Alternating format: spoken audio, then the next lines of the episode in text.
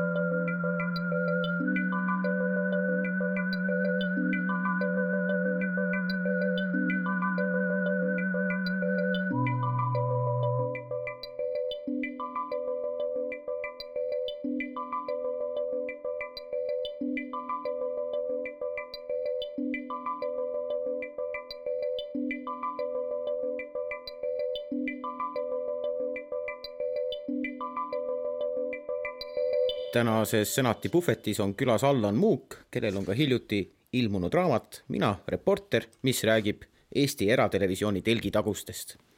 raamat on ilmunud aastal kaks tuhat kakskümmend. aga tere tulemast senati puhvetisse number seitse,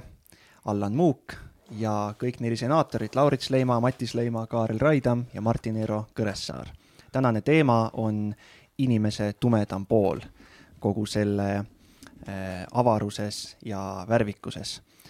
Äh, äkki Allan, ütled paari sõnaga, ähm, kuidas sina oled inimese tumedama poolega oma elu jooksul kokku puutunud, kas siis ametialaselt või, või isiklikult? Äh, aitäh, härrased, kõigepealt, et te leidsite ka mahti mind, tagasihoidlikku persooni siia puhvetisse kutsuda. ma ütlen kasvõi esimese paari minuti pealt, nii palju, kui ma siin puhvetis olen olnud, on äärmiselt meeldiv puhvetlik õhkkond selle koha pealt kiidan teid äh, taevani. aga tegelikult, eks äh, kolmkümmend aastat erinevas või mitte erinevas, aga lausa ikkagi erameedias on viinud selleni, et ühel hetkel sa pead mingisugused valikud tegema elus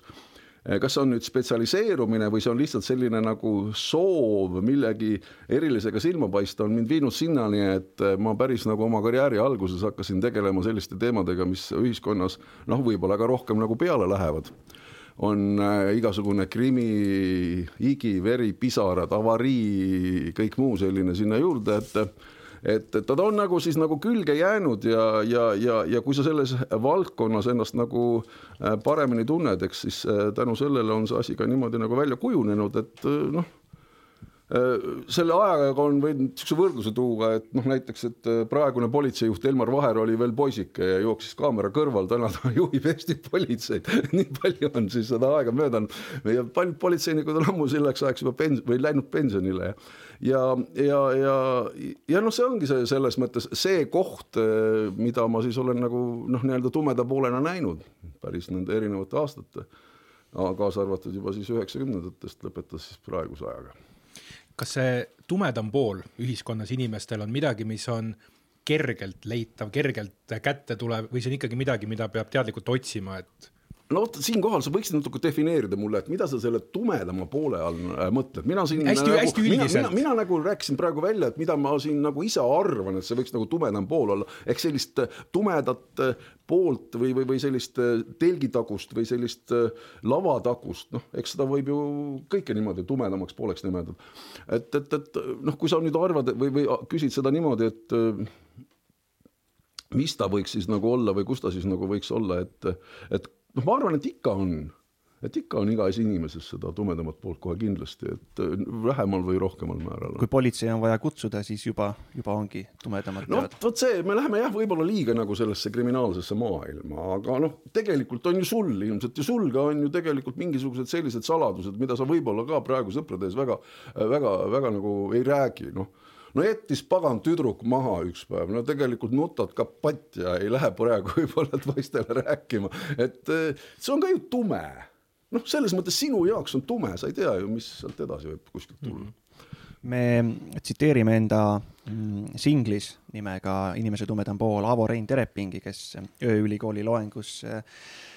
puistas nii mõnedki mõtteterad, mis meie arust olid väärt tsiteerimist, üks neist oli see, et, et meil on mulje, et julmi asju teevad inimesed, kes ongi julmad. aga siis ta jõuab oma mõttekäiguga sinnani, et sellist asja nagu julm inimene ei ole olemas. et, et on asjad, täiesti nõus, on, on asjad, mis on julmad, aga kuidas siis inimene jõuab selleni, et, et ühiskond paneb talle sildi külge, et, et ta on julm, noh, ilmselt ta ise ei defineeri ennast julmana, ta kuidagi jõuab sellisesse olukorda, sellise teoni või sellise sündmuseni, et, et siis järsku tema on see, see tumedam osa ühiskonnast, sest tema tumedam pool on, on, on see, mida meie põhiliselt näeme. Äh, no vot mind on nagu elu õpetanud või, või, või ma olen nagu seda, ma olen täpselt sedasama mõelnud, et selles mõttes on selge, sellega ma olen täiesti nõus äh, lugupeetud äh, teadlasega, et, et inimeseks ei, ei, ei sünnita julmaks.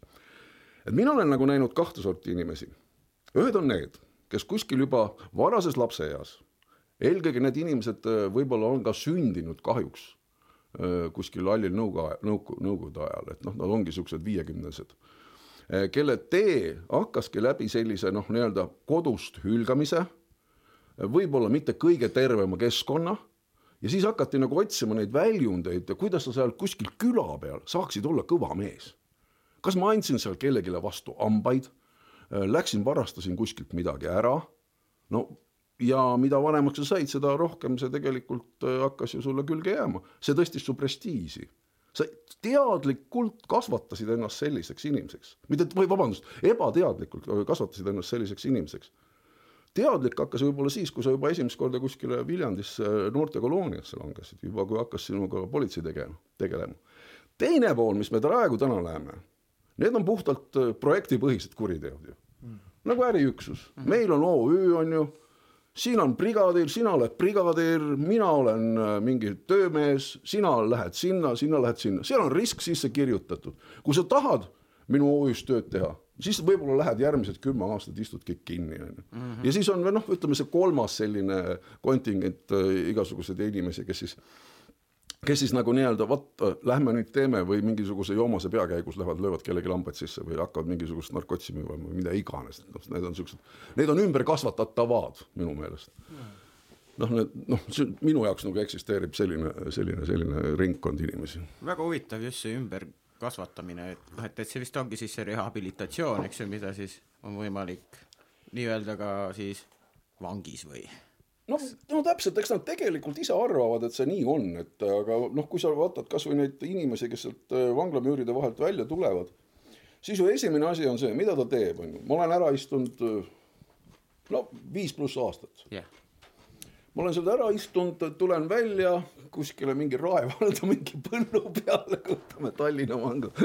aluseks, tuul puhub nagu täna, lumehanged on siin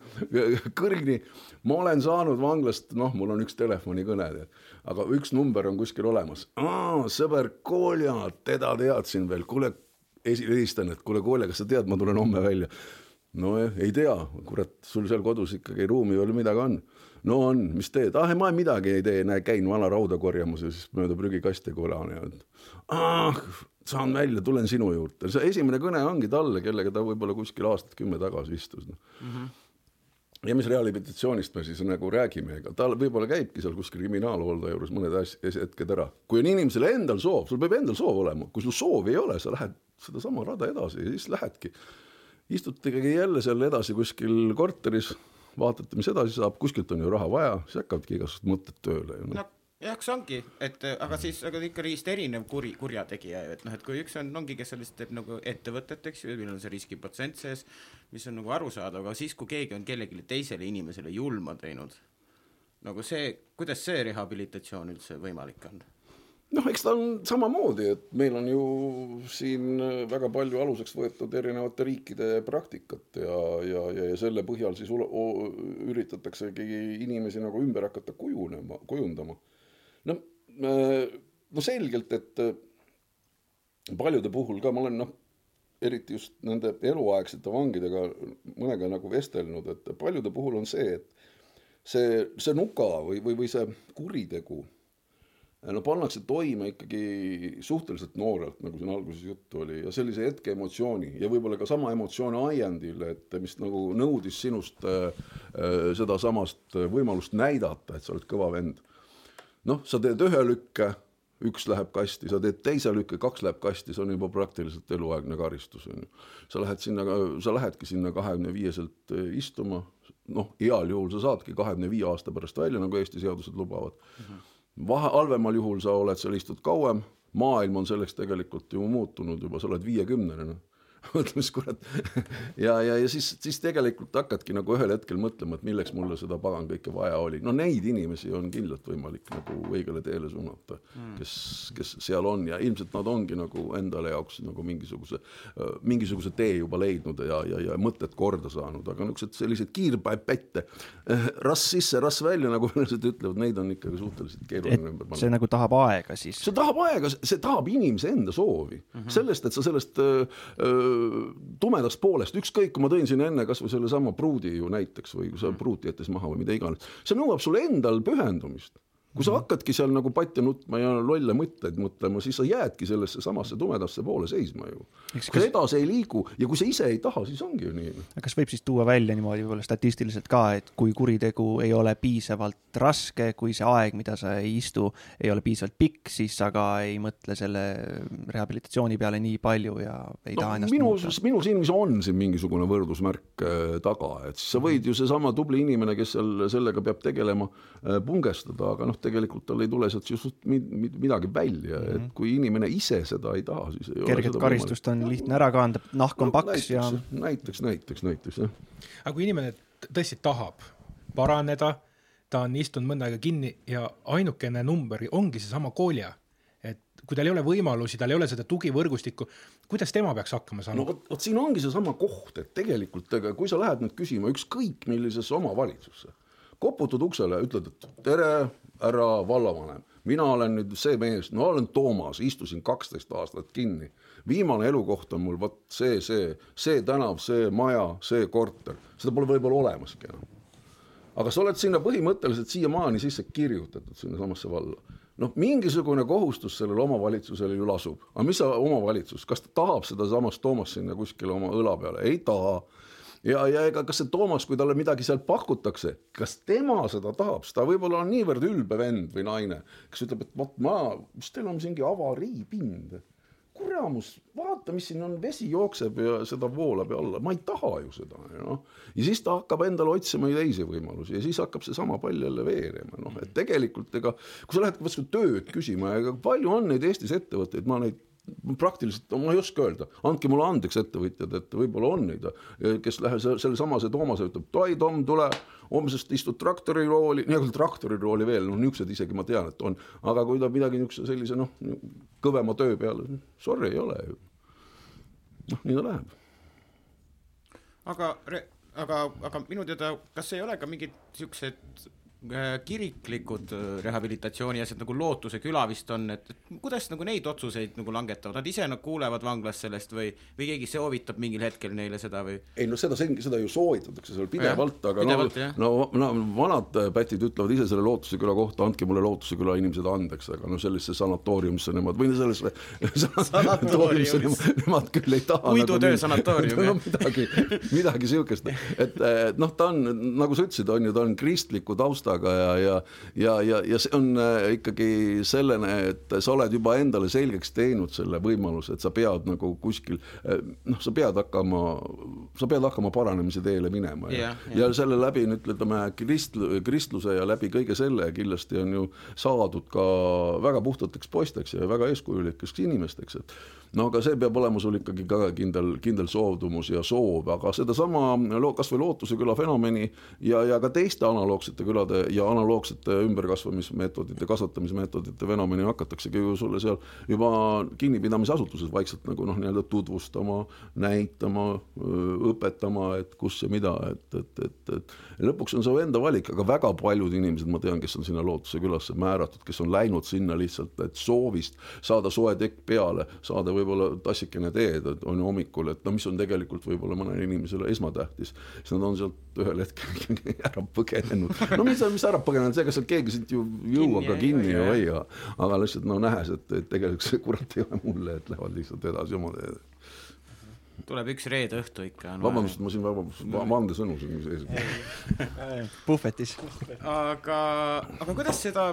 otsustatakse, kas näiteks enne tähtaegselt vabastamist, kas, kuidas see otsustamine üldse käib? ennem sa korraks midagi mainisid mingist komisjonist, kas see ongi nagu niisugune komisjon, kes arutleb? no see komisjon, mida mina, mille töös mina olen nüüd osalenud siin väga pikalt, et no see on selline, mis põhimõtteliselt lahendab selliseid asju, mida lahendada ei ole üldse meil võimalik näide, noh, ma, ma siin võib-olla hakkan seda komisjoni tööd, mille juht ma ise olen, kritiseerima, aga tõesti, mul ühel hetkel on jäänud tunne, et no sellega ei ole küll midagi peale hakata, et see on selline kiri, no ütleme, sina oled kinnipeetav, kirjutad mm. -hmm Tallinna vanglakomisjoni palve, mina kinnipeetav, vot Matis või ükskõik kes, olen siin sellel, sellel kuupäeval, tuli, käisin või toodi mulle söök, on ju, sõin supi ära aga minu meelest selles supis ei olnud nii palju liha, kui Eesti riigi normid ette näevad. mis asja no ja mida ma siis, mida siis peab see vahekomisjon siis tegema? no ütleb, siis toob äh, Matis, kellel on palju aega seal, toob välja äh, seadusega igasugused lõiked, näed, supis peab olema nii palju, nii palju liha, nii palju valku, nii palju kõike muid ja kõik seda sinna juurde. aga vot selles supis mulle tundus, et seda liha seal ei olnud mida siis on võimalik seda teha tagantjärele, Mattias, kes on ilusti juba potil ära käinud, juba ammu unustanud see supp on ju siis on vaja nagu selgeks teha, kas sa said sellel päeval ikka nii palju lihasuppi sees või ei saanud, noh. mida sa oskad teha niisuguste asjadega? Midagi. sihuke komisjon või? ühesõnaga nende elu, eluolu kriitika. lihtsalt ühe sellise nagu absurdse näite, aga, aga, aga seda, mis tegelikult mida sa välja pakkusid oma küsimuses, et sellel komisjonil võiks, ta tegelikult noh, ütleme, ma ise nagu näeks, et sellel komisjonil võiks olla selline pädevus ka otsustada selliste asjade üle, nagu on ennetähtaega vabanemine või siis näiteks ütleme siis äh, Äh, sellesse noh, nii-öelda avavanglasse saatmine, mis on nagu umbes põhimõtteliselt sa käid nagu tööl on ju, hommikul kaheksa lähed, õhtul kell viis tuled on ju, sa saad mm -hmm. kõiki asju teha, sa võid isegi siin linnas käia, ma arvan, et siin ka siin selles piirkonnas on väga palju selliseid inimesi, kes niimoodi tööl käivad aga vot seda võimalust ei ole, et see on ikkagi jälle taas mingite äh, suurte, ilusate, toredate, välismaal tehtud mingite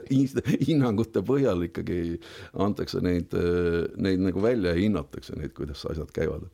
et noh, see on selline asi, et, et jah, et sinna, sinna nagu sellisele tavakodanikul asja ei ole, et noh, ja mille pealt seda hinnatakse, seda on ka palju kinnipeavad küsivad, küsivad, seal on väga suur selline, no ma lihtsalt, lihtsalt hästi lühidalt hästi selline suur selline hindamisprotokoll. Äh, kas sa oled viimase aasta jooksul midagi teinud ja siis, kui sa oled midagi teinud, kui halb tegu see oli, noh, sa ütlesid võib-olla valvurile, et mine emmi või kuskil midagi niisugust on ju äh, või siis äh, sa ei ole näiteks korralikult käinud eesti keele tunnis, juhul kui sa oled venelane näiteks või, või sa ei ole näiteks noh, ma ei tea, ühel õhtul või mingil hetkel jätsid midagi nagu põlema või mingit tule või midagi niisugust ja siis hakatakse jälle vaatama neid miinuseid piltlikult kokku, et palju neid tuleb. Ja siis otsustatakse sorry, sorry, ei sobi küll ikka Kui see- väga teine arusaam on, mismoodi see vanglaelu igapäevane on no,. väga hea, et sul selline ei ole isiklikku no kogemust mul ja on enda peas jah, et on see avatud vangla nii-öelda, eks ju, jah, mis on teada, eks ju. aga härrased, ma tahaksin nagu ikka ju vastu küsida, te siin praegu minu, mind nagu nii-öelda pommitate nendega, nagu teil on, kui selle läks selle ta, tumedama poole peale jutt on, teil on endal ju ka ilmselt, kas on ikka in- inimesel olnud keegi selline, keda võib siis äh, sellest samast tumedast, tumedast poolest tekkinud inimeseks nimetada? noh, ma, ma ei ole seda nagu väga palju küsinud, aga kohati mulle tundub, et iga eestlane on kuidagi ühel või teisel moel kokku puutunud, kui me räägime selle tumedamaks pooleks, võtame siis praegu selle kinnipidamise ja, ja, ja, ja, ja, ja kuritegevuse, siis noh, ikka keegi on ju kuidagi kõik nagu mingil moel kokku puutunud sellega. nojah, ma, ma nüüd kedagi nagu ei ole niimoodi tutvunud, kes kellelegi on julm olnud, aga niisugust oma kohust jah, illegaalset äh, mingit ettevõtmist jah, täitsa niisuguse asjaga tutvunud, aga minu teada on siis jäänud väga hästi see mulje, et see keskkond mõjutab ja noh, et igal inimesel on mängitud mingid kaardid kätte, sa pead nende kaartidega mängima, noh sa ei mäng-, jäta mängu pooleli ju. et noh, et ja, ja siis on nagu arusaadav, miks nad on nii teinud või naa teinud. aga seda, et nüüd nagu julm keegi on olnud, et nagu nagu loomale või inimesele või kellelegi nagu viga teinud millegi, mingi emotsiooni ajendil, seepärast et kuidagimoodi tahab domineerida teist inimest või mida iganes. et niisugust asja ei ole ma kogenud, see on minu arust üsna jälk ka. ja ma ei tea, kas ma olen vati sees elanud, aga minu kogemused inimese tumedama poolega on ka ikkagi nii kesised, et see on ka üks põhjus, miks ma tahaksin sellest rohkem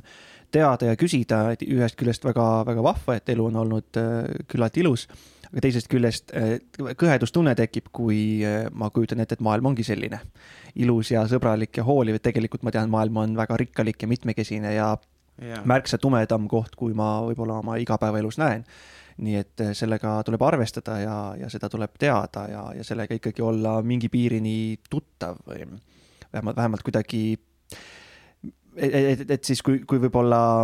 elu mängib mingisuguse situatsiooni kätte, siis see ei oleks nii suur üllatus, et oi, et, et ma- maailmas on ka selliseid inimesi, olukordi ja tegusid, et noh, no äri on äri, et selles mõttes ma ei, no see on kõik nagu minu arust arusaadav, et noh, et on illegaalne äri, on äri, mis politseile ei meeldi, eks ju, on ju, on äri, mis kellelegi seal kusagil selles ketis liiga teeb, on ju, noh, see on ju eriti on ju nark-, narkootikum on eriti lege, on ju, sellel teemal et noh, et see teeb kusagil seal ketis kellelegi väga liiga, võib-olla kusagil on keegi maha tõmmatud sellepärast, et sinul see käes on, mis on ja mida sa kusagilt edasi annad, on ju, aga ja siis on siukseid ka on ju, on nagu oma kohus, vaata, kus ei saa politseid kutsuda, kui sa siukses äris oled ja keegi sulle liiga teeb seal äris, eks ju, siis sul ongi oma Ei, kohus on ju ja et see on siuke suur ring, mis on ja paljud mingid vanad need mingid noh, igasugu dokumentaale vaadatud ja mingid vanad mafiosnikud ka, kes on nii-öelda tulnud omal lõpuks on ju mingisugusest vanglast välja ja siis nüüd on nagu siuksed motivatsioonikõnelejad, eks ju, ja siis nemad räägivad umbes sama juttu, et et, et me oleme lihtsalt ärimehed nagu, et et, et, et see on nagu jah, ma ei tea, kuidas ma siis lähen politseisse, ütlen, et kurat, Peeter valastas, valastas mu viissada kilo kokaiini ära, no sa ei lähe ju menti selle jutuga, eks ju, et sul on see oma kohus ja noh, et, et siin on nagu see on nagu arusaadav, aga minu teada nagu mida nad paljud on ise ka nentinud, muidugi nad ajavad soola sulle silma väga palju oma jutuga, et see on nagu soolapuhuja number sada on nagu ehe kriminaal on ju, et, et üritab sulle mulje jätta, nagu ta on nii tore ja hea. Ja, ja võib-olla mingile ühiskonnakihile ongi nagu tore ja hea ja kusagil mingisuguses kontekstis ta toimib, sest on ju isegi Pablo Escobar oli, eks ju, on ju, andis rahvale palju raha Jaa, ju, eks ju, on ju. et noh, et, et nad ikka üritavad kuidagimoodi seda äh, puht pu,, puhtaks nii-öelda teha et selles suhtes ei ole jah kunagi olnud nagu niisugust otsest vaadet, aga minul nagu ongi see, et, et noh, et on nii palju vaadata, kes on nagu ikkagist nagu noh, just nagu tapjad. et see on nagu minu jaoks nagu veits nagu, see on nagu ikka mingi teine asi, see on mingi vaimne väga tugev nagu, nagu see on nagu vaata, et juba hälve. et äh, ka nemad ei ole ju avatud vanglas, ei käi ju tööl. no jaa, ei no aga kui Nemad on ju kusagil pannakse üksikkongi isegi üldse üldse. ja- no kui ta on jälle lõpuks ikkagi sellesama nii-öelda nimekirja täitnud, kus on kõik plussid, plussid, plussid, plussid ja siis ei ole see võimatu. kustutas tule ja käis eesti keele tunnis. Hästi täpselt, ja ei sõimanud valvurit lõpuks Väga ongi avavanglas. See on siuke distsipliin, distsipliinikool, see ehk siis nagu väga-väga jõhker sõjavägi on siis või? lihata supiga sõjavägi. kõik ju, ei noh, Ei, mind no, no,, ma just, just hetkel äh, töötan ühe sarja kallal ja, ja seal on äh, juttu ka ühest sellisest äh, Eestis äh, viimastel aegadel väga tuntud äh, sarimõrvarist, kellest sai siin mõni aasta tagasi Eesti el- neljakümne esimene eluaegne vang ja teda näiteks äh, ajendas tapma Matrix film, mis praegu oma järjekordse osaga ka Eesti kinodes laineid lööb, onju. ehk siis, et ta lihtsalt, tegelikult eks ta nagu mõtles selle luulu endale välja selles mõttes, et eh, nagu näidata, mis see nagu siis oli, aga tema, tema nagu kirjutas puhtsüdamlikult, et näed, et ma nägin, et kuskil on mingisugune hääl ütlemas mulle nüüd tapa, tapa, tapa ja seda tegi noh. aga see on nüüd, see, see, see on hästi huvitav ka, et noh, et ta mõtles selle nagu selle luulu nagu võib-olla välja no Eh, võib-olla mõttes, me ei tea täpselt aga ta vähemasti seda agendat üritas nagu läbi suruda kohtus äh, kohtus ja, no ja. see kõlab, no ma- nüüd ei tea, kuidas Eestis on, mul pole õnneks vist ei ole pidanud kunagi seal selles ühe kaameraga toas istuma nagu nagu praegu on väga-väga populaarne, eks ju, nüüd vaadatakse videoid just sellest esmasest kinnipeetmisest, kinnipidamisest, kus siis nii-öelda võetakse vahi alla eh, siis nii-öelda kahtlustatav. Ja, Jaa. ja siis üritatakse saada seda esimest nagu üle- ülestunnistust kätte, ennem kui ta hakkab juristiga mingit plära kokku mõtlema, onju et eh, ma ei tea, kuidas see, kuidas see Eestis on, aga noh, seal on õudselt ja neid, neid, neid salvestusi jagatakse hästi palju ja siis igasugused psühholoogid nagu arutlevad ja räägivad ja et noh, vahel tõmmataksegi nad nagu orki seal, eks ju, et. Ja siis seal on ka hästi tihtipeale öeldud, et noh, et, et väga tihtipeale nad eh, on mingi plaani juba välja mõelnud omale ja siis nad eh, ja siis üritatakse ruttu see plaan nagu õhku lasta, et mida rohkem läheb aeg edasi, seda rohkem see plaan läheb paremaks, seepärast et siis tuleb jurist, kes sinu plaani võtab ja paneb selle ilusti nagu niimoodi, paneb talle nii-öelda, kuidas siis öelda, soojad riided selga ennem kui õue läheb või midagi siukest, et noh, et et äh, et see, see kõlab nagu niimoodi, aga no Matrix muidugi esimene oli ju seal see minu teada ma mäletan ka see raamat, mis oli ju ennem nende vendade poolt kirjutatud, nüüd vist see uus film on Õde, Õde oli vist seal ka mm, -hmm. aga nüüd on Wojcinski või midagi siukest mm -hmm. või ma ei tea, et selles suhtes, et see raamat, mille, mis oli kirjutatud, et, et mitte ainult, et kedagi oleks vist tapnud, siis inimesed ise ka tegid päris palju suitsiide sellesama teksti peale, nii palju ma olen kuulnud mm.. sest see ikka jah, ikka ajas inimesed äh, päris sassi no see oli, no tema puhul oli isegi tol hetkel eksisteeris, ma ei tea, kuidas praegu mingisugune FB ehk siis Facebooki kommuun lausa, minu arust lausa ülemaailmne, kus siis nagu kõik äh, seda usku inimesed siis äh, oma sellistest veendumustest või, või, või, või nägemustest siis nagu andsid teada ja ja tegelikult seesama kutt, kes siin noh, mis kutt, ta oli ikkagi täismees tol hetkel, kui ta need teod toime pani kes siis tegelikult andis sellest ka nagu ette teada, et põhimõtteliselt, et kui oleks keegi osanud selliseid asju lugeda, tuulata, siis oleks see etteaimatav olnud, et noh, andis nagu signaali selgelt ära. nüüd on aeg küps selleks. ma lähen ja ma pean inimesed vabastama. väga palju antakse teada enda koledatest tegudest ette, aga mis see, mis see motiiv võiks olla vot ei? tea, et see on hea küsimus ja selles mõttes, et noh, no siin noh, vot ongi olnud, et, et, et, et vot siin isegi ei oska nagu mingit teooriat välja pakkuda, et äh, ilmselt on äh, noh, täpselt on ikkagi mingisuguses omas maailmas. mul hakkasin praegu mõtlema, et neid etteütlemisi, siis mul tulid mingid paar Soome sellist kooli tulistamist, mis siin aastaid tagasi väga aktuaalsed oli seal, aga kutid nagu ütlesid ette põhimõtteliselt, aga keegi nagu ei hakanud, hakanud nagu tõsiselt võtma, et mida sa plärad seal mm, -hmm. aga tegelikult noh, sest tähelepanu saad sa niikuinii, sa võid No, no potentsiaalselt vee peale tõmmata oma ettevõtmisele eks sa võid ju tegelikult, sul on suure tõenäosusega, kui sa tead, mille peale sa lähed, sa tead, et sa lähed ju tegelikult surma ja noh, ega, ega kui sa siukse niimoodi niisuguse, niisuguse teoga peale, peale lähed, et ükskõik, kui sa hakkadki seal kuskil vastu, siis no see ei ole ju lõputu vastuhakk. see on ikkagi suhteliselt võrdub sellega, et sa isegi tõmbad endale kriipsu peale. vot ei tea jah, mis neid nagu sellisteks asjadeks ajanud on. aga võib-olla ongi täpselt äh, see plaan või mõte, et kui ma annan teada, ma saan tähelepanu, aga äkki tuleb keegi ja võtab mind viimasel hetkel veel kinni, peatab on. ja, ja ma ei pea tegema seda tegu lõpuks. vot see, see võib olla ka Jah. niimoodi äkki on, et ma selle, selles vallas nii tugev ei ole. see võib täitsa ka tõesti ka selles olla ja kui see nagu hetke õige läheb mööda, siis vana vaatab, et ei olegi nagu midagi teha, keegi mulle kaasa ei Jah. tunne ja nüüd ma lähengi. ise, isegi see asi ei vääri nagu kaastunnet tähelepanu või olukorrale tähelepanu pööramist, et siis nagu tõesti. Et see võib nii olla täiesti, täiesti, et, et, et äh, selle koha pealt on neid igasuguseid juhtumeid ju oi-oi kui palju ju nojah, täpselt, täpselt sedasama juttu olen ma ka kuulnud, et see on pigem mingi kaitserefleks või midagi, et sest tegelikult kusagil sisimas ikkagist kõik inimesed on ikkagist ilusad ja head, lihtsalt mõnel on lihtsalt natukene raskem elu olnud ja tänu sellele see ilus ja hea läheb kaduma, aga täpselt just seesama refleks, et üritatakse saada mingisugust öö, et keegi äkki nagu jah, tõesti korjab selle üles ja saab teda nagu kinni panna, Parklandi see koolitulistaja, eks ju, väga kuulus kooli tulistamine, viimane üks suurim on ju, võib-olla oligi või? see ju samamoodi oli, kas see oli kõige esimene vist hoopis või no ütleme nii-öelda see esimene, see oli see üheksakümnendatel ei, Parkland ju. see Parkland oli nüüd siin kaks tuhat Columbine oli 90-ndatel ajasid need sassi, üheksakümnendate oma jah, Parkland oli jah, viimane hästi suur, kus siis poiss ütles, et Demons, Demons ja teemonid ja teemonid on ju, kui ta lõpuks kinni saadi. Ja tema ju noh, ei lastudki maha, ta suutis põgeneda, põgenes koos inimestega nagu õpilastega koos nagu evaku-, evakueerus. aga teda uuriti ja nüüd lõpuks ka, alles nüüd siis sai omale karistuse, et noh, et, et muidugi, muidugi jah, ta kahetseb, aga seal ta ikka ennem ostis relvi, tegi pilte, tegi videosi, tema jaoks oli see, et ta tahtis seda mingit au ja kuulsust nagu sealt saada ja väga väärtunud oli see asi ja et äh, eks siis lõpuks see nagu kõik muidugi olegi ikkagi oma kasu peal väljas, lõpuks tahad sa raha või tahad sa oma au või kuulsust.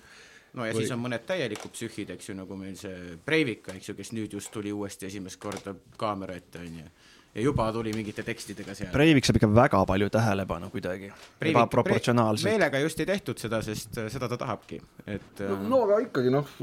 kohtusaalid hariti ära ja, ja seal ta oma asjad ju sai seal, oma agendat said jälle nagu näidata ja, ja, ja midagi teha ei ole, et eks tal vist oli aega vahepeal kirjutada jah, ja mõelda. aga jah, kui me räägime jah sellest, et kõik, kõik peavad ikkagi võrdselt äh, saama õiguse ennast kaitsta ja kõike muud, et siis noh, Breiviku puhul jah, ta on nagu ikka tõsine äärmus, tundub, aga noh, ka ka temal peaks ju siis see võimalus olema või loomulikult sa ei saa seda protsessi õõnestada kuidagi, mis on demokraatlikus ühi- ühiskonnas paika pandud, samamoodi Trump saab võimule demokraatia, et selles mõttes, kui sa hakkad sinna juba minema, et ei, aga Breiviku puhul me ei luba tal midagi öelda kuskil, et tema ei nagu ei ei allu sellele õiglasele kohtumõistmisele, no sa teed palju suuremat kahju süsteemile ja usaldusväärsusele, kui mm, -hmm. kui et head sellega. no eks ta hakkab, kui, kui sind, kui teda takistatakse, eks ta ju kindlasti ei ole, ta ei ole kindlasti ka Norra vanglasüsteemi jaoks kindlasti mingisugune paipoiss. ma usun, et eh, seal selliseid erinevaid selliseid taotlusi ja, ja vingumist ja, ja, ja, ja oma õiguste eest seismist seal tuleb vaata, et ma arvan, et iga päev et mm, -hmm. et vangla juhtkonnale paisatakse ette seal kirju, et, et see ei ole see ja see ei ole too ja too ei mõistse ja too ei ole hea ja, ja eks ta kasutab, kasutab seda suurepäraselt ära, seda, seda positsiooni. kuulsin raadiost Kahjuks. paar päeva tagasi, kas see oli vist mingisuguse kehva ilmaga päeva kohta Päästeametisse tehtud kõnede kohta mingi statistika. Ah, jah. midagi räägiti, et seda nii palju, toda naa palju ja, ja siis, et eh, s- sarihelistaja tegi siis seitsesada kõnet päevas. et, et kui palju vanglasüsteemis sellist asja esineb, et, et ainus vahend ongi apelleerida mingisugusele liha puudumisele supis. Mm, jah, et no vot, vangla, meie vanglasüsteemis on nagu see asi suhteliselt eh, selles mõttes nagu ära korraldatud niimoodi, et kui ma olen alles nii noor pätt ja mind on piltlikult öeldes alles nüüd rajalt maha võetud ja mind ei ole süüdi mõistetud, siis on niimoodi, et ma saan nagu välisilmaga suhelda hästi piiratult. ehk siis tegelikult seal on siis üks no mingid loetud arv kõnesid, ma praegu ei hakkagi ütlema, mitu kõnet tal seal nädalas võib teha, on ju. samas seal vanglas olevast telefonist ja, ja, ja siis nende kohtumiste aeg ka lähedastega on ka seal kuus korra äkki midagi seal nagu on lubatud ja nagu advokaadiga on nagu lihtsam asi. aga siis, kui sa juba saad nii-öelda süüdi mõistetakse sind ja, ja, ja sa juba oled nagu kinnipeetav, siis, siis, siis, siis on seda natukene rohkem. aga noh, mulle nad on helistanud ja helistavad ilmselt tulevikuski. aga, aga põhiasi on ikkagi see, et ma ei tea muidugi paljude puhul, kust nad need numbrid üldse saanud tea. ega ma seda avalikult kuskil vanglalehel ei eksponeerita aga, aga no tead, maailm on imeline on ju.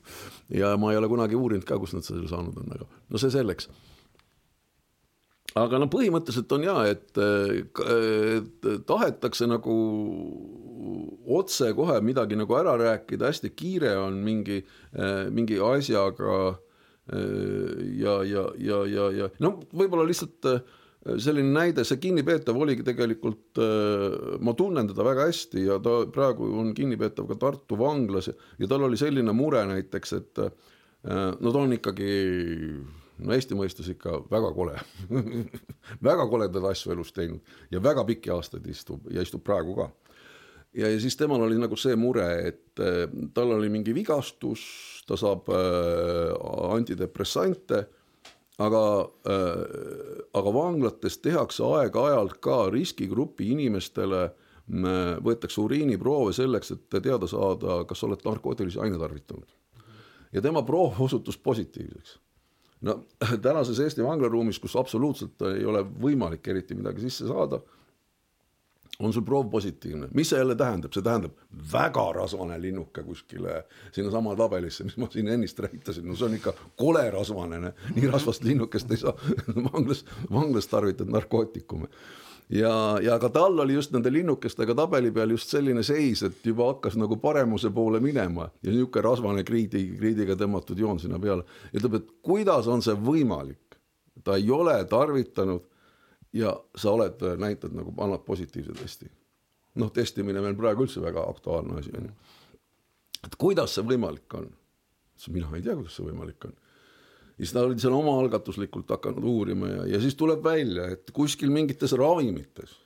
noh, mis on nagu antidepressandid, mis on väga kanged ravimid või valuvaigistid, võib hakata mingisugune asi reageerima ka narkootilise aine kontekstis no.. ehk siis nagu valuvaigesti on narkootiline aine, on seal sihukest noh, suhteliselt sünonüümid, et seal võivad nagu nii-öelda käes kätte käia. ja, ja, ja no siis oled sa see selline kaamel seal, kes üritab siis äh, äh, hakata juhtkonda, juhtkonnale tõestama, et sõbrad, kuule, ma ei ole toonud sisse, noh, ma ei tea, kus on see tõde tema puhul praegu, ma ei tea, noh. aga no ega mul ei olnud talle ka nagu midagi öelda, et sa lihtsalt pead sellest nagu nii-öelda teavitama, juhtkonda teavitama,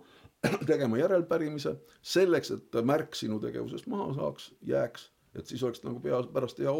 öelda ja uurida edasi. no see ei ole see ei ole äh, selgelt selline ärasöödud supp, kuigi see on ära tarvitatud ravim. aga noh, see ravimi koostis ja, ja, ja, ja, ja andmise kuupäev ja kellaaeg, need fikseeritakse ikkagi väga rangelt ära. ja seal on nagu näha, mis ravimit sa nagu oled manustanud, mis on sulle antud. ja sealt pealt on nagu juba nagu lihtsam edasi minna see, et sulle anti supp ja sõid liha ära, et seal nagu eriti pea peal mingisugust kirja peale ei jää.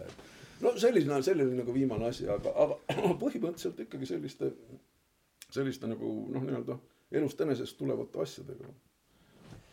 ähm,. Eesti vangla selline vanglasüsteemi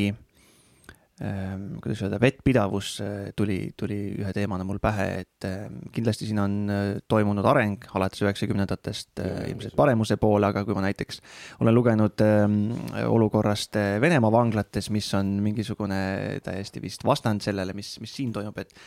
et oskad sa paar sõna öelda selle kohta, et kui eh, ideaalselt see Eesti vanglasüsteem siis eh, töötab, kõik see korruptsiooni küsimus ja,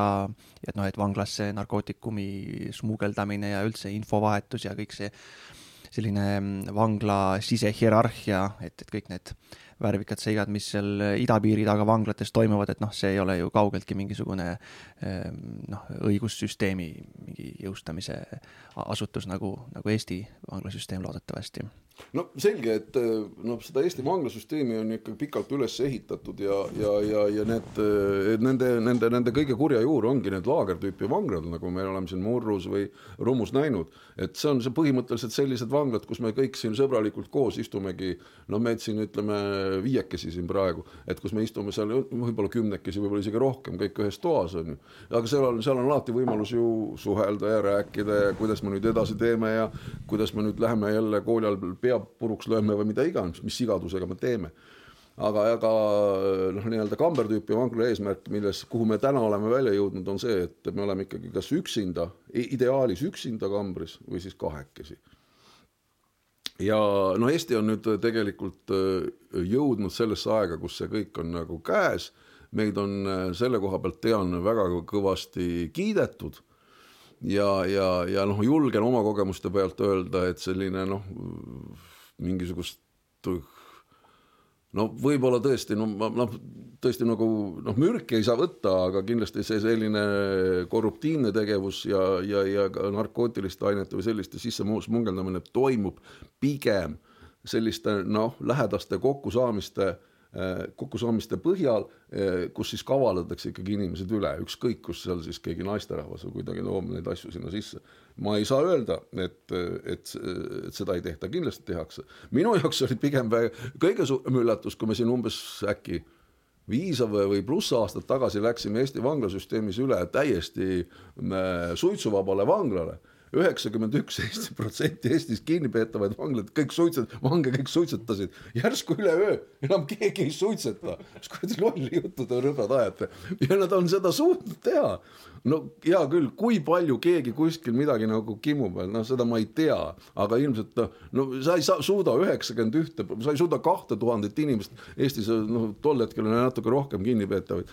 ümber kasvatada, et ärge enam suitsetage, kõik on eluaeg tõmmanud. vot see mulle ei mahtunud pähe tol ajal, aga täna ma vaatan, et nad suhteliselt on, et antakse kommi ja nagu korralikus puhvetis suhkrut ja no, nagu...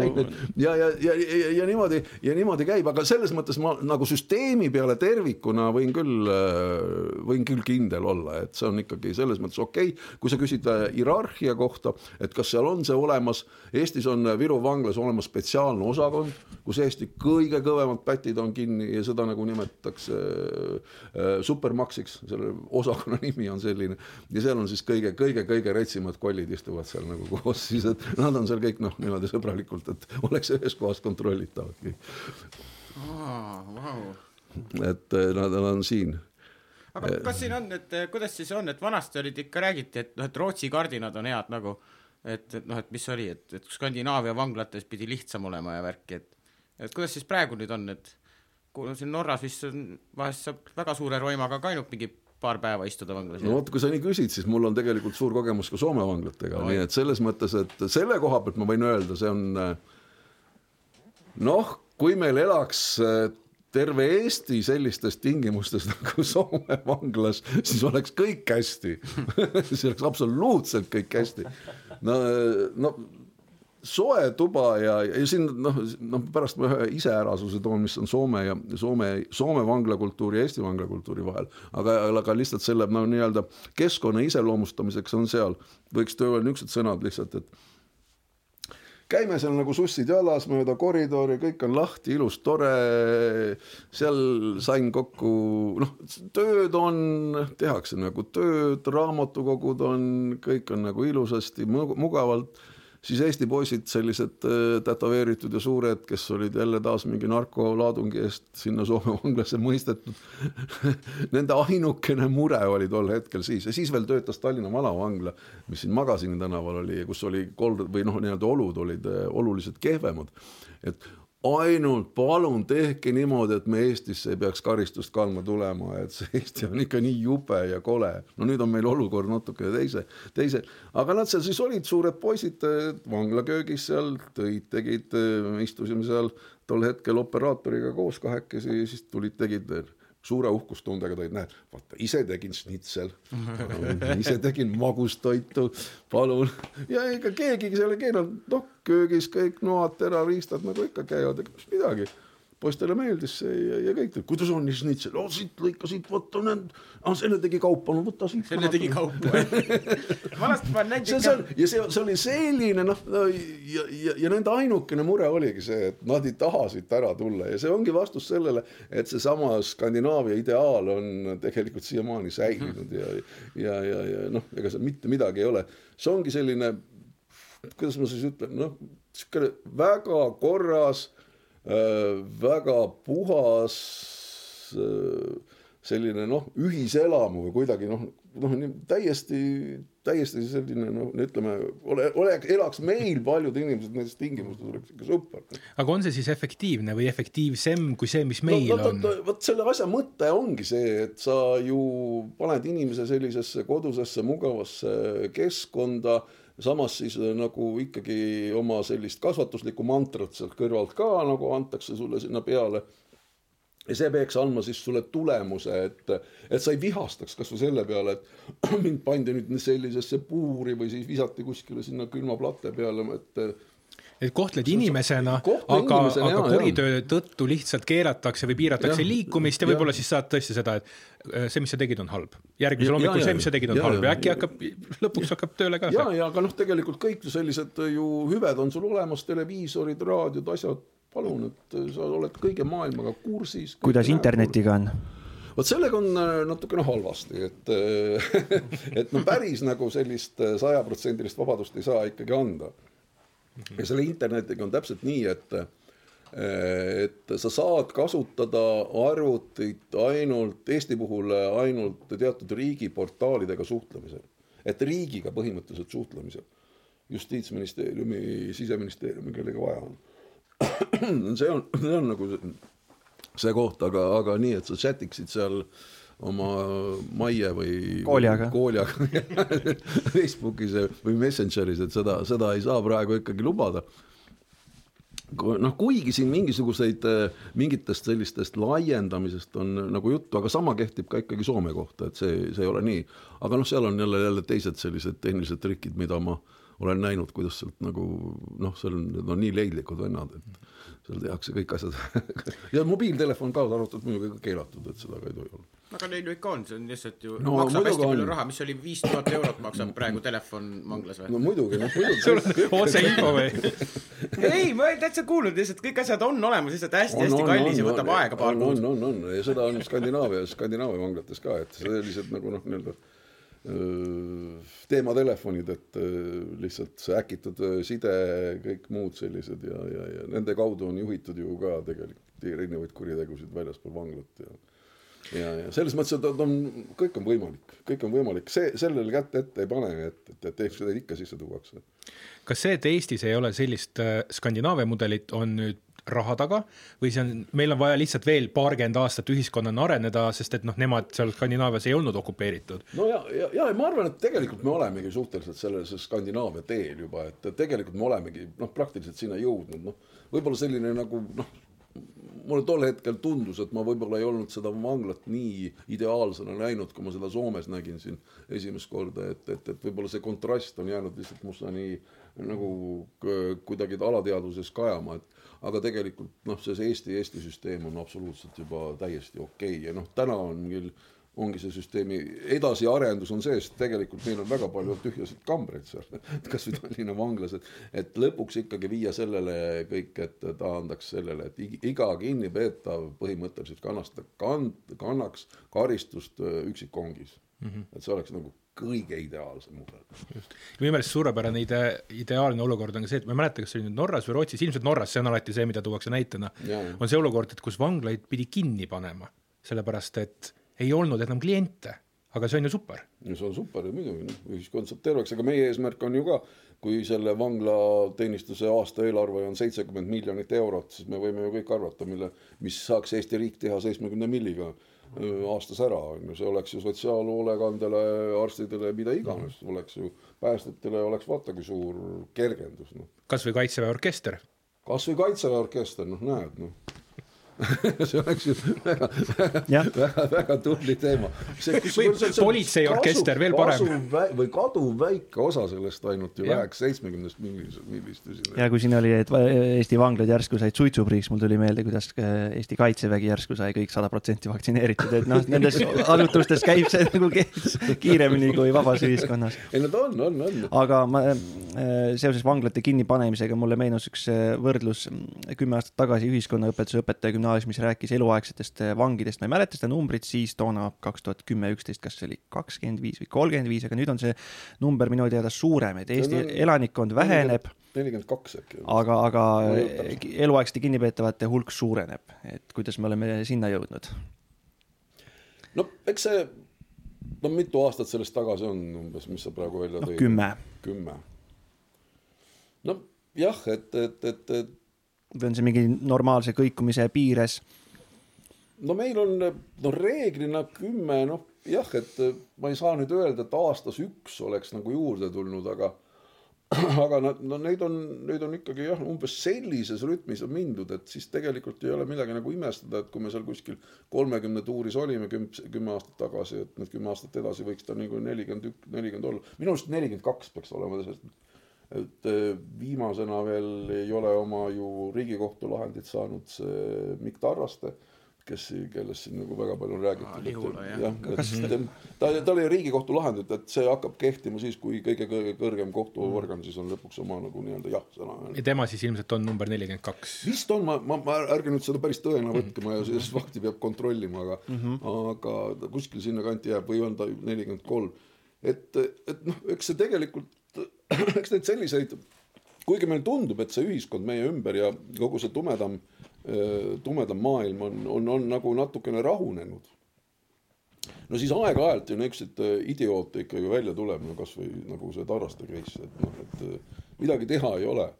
see on, see on meist hulka suuremat arenenumates organisatsioonides või riikides ja, ja, ja süsteemides, kui meie siin oleme, nii et selles mõttes, et ma ei noh, kahjuks ta nii on ja kahjuks sellepärast peavad lihtsalt nagu süütud inimesed kuskil mingil määral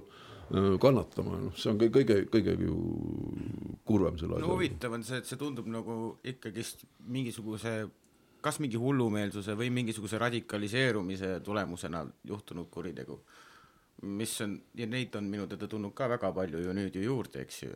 et ja noh, kui praegu Ameerikasse läheb, no siis seal saab näha eriti lõbusalt. no seal räägitakse, et jälle algas koolitulistamishooaeg. no, no, no täpselt, no vot, kuhu me jõudnud oleme, noh, et see et on. kui varem kusagil jah, on tead nüüd siin kusagil Mustamäe teel tead Kostja ja Kostja ja Priidu vahel oli tead sõnelus ja sinna see ma Marek maha lasti onju, et siis need olid need allilma teod onju ja siis oli kuidagi see nagu noh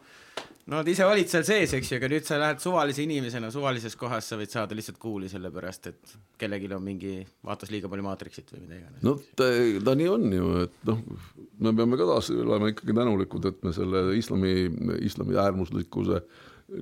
äärmuslikkusega ei ole nagu nii tõsiselt kaasa läinud, et et teatud inimesed ei ole kaasa läinud, aga kindlasti neid on meie ühiskonnas, et noh, need võib-olla on niisugused kõige suuremad riskikohad, et see, et mingisugune vend lihtsalt lambist hakkab siin kuskil millegagi noaga või, või, või püssiga vehkima, et noh, see on lihtsalt ühel hetkel paratamatus. noh, siukseid asju on võimatu, noh, võimatu teinekord ikkagi ettegi näha. eks see on ka suhteliselt lähedastest kinni, et nagu siin ennestki oli jutt, et sama, et mingisuguse sõnumi keegi ikkagi annab võib-olla ette või, või, või, või nagu nähakse,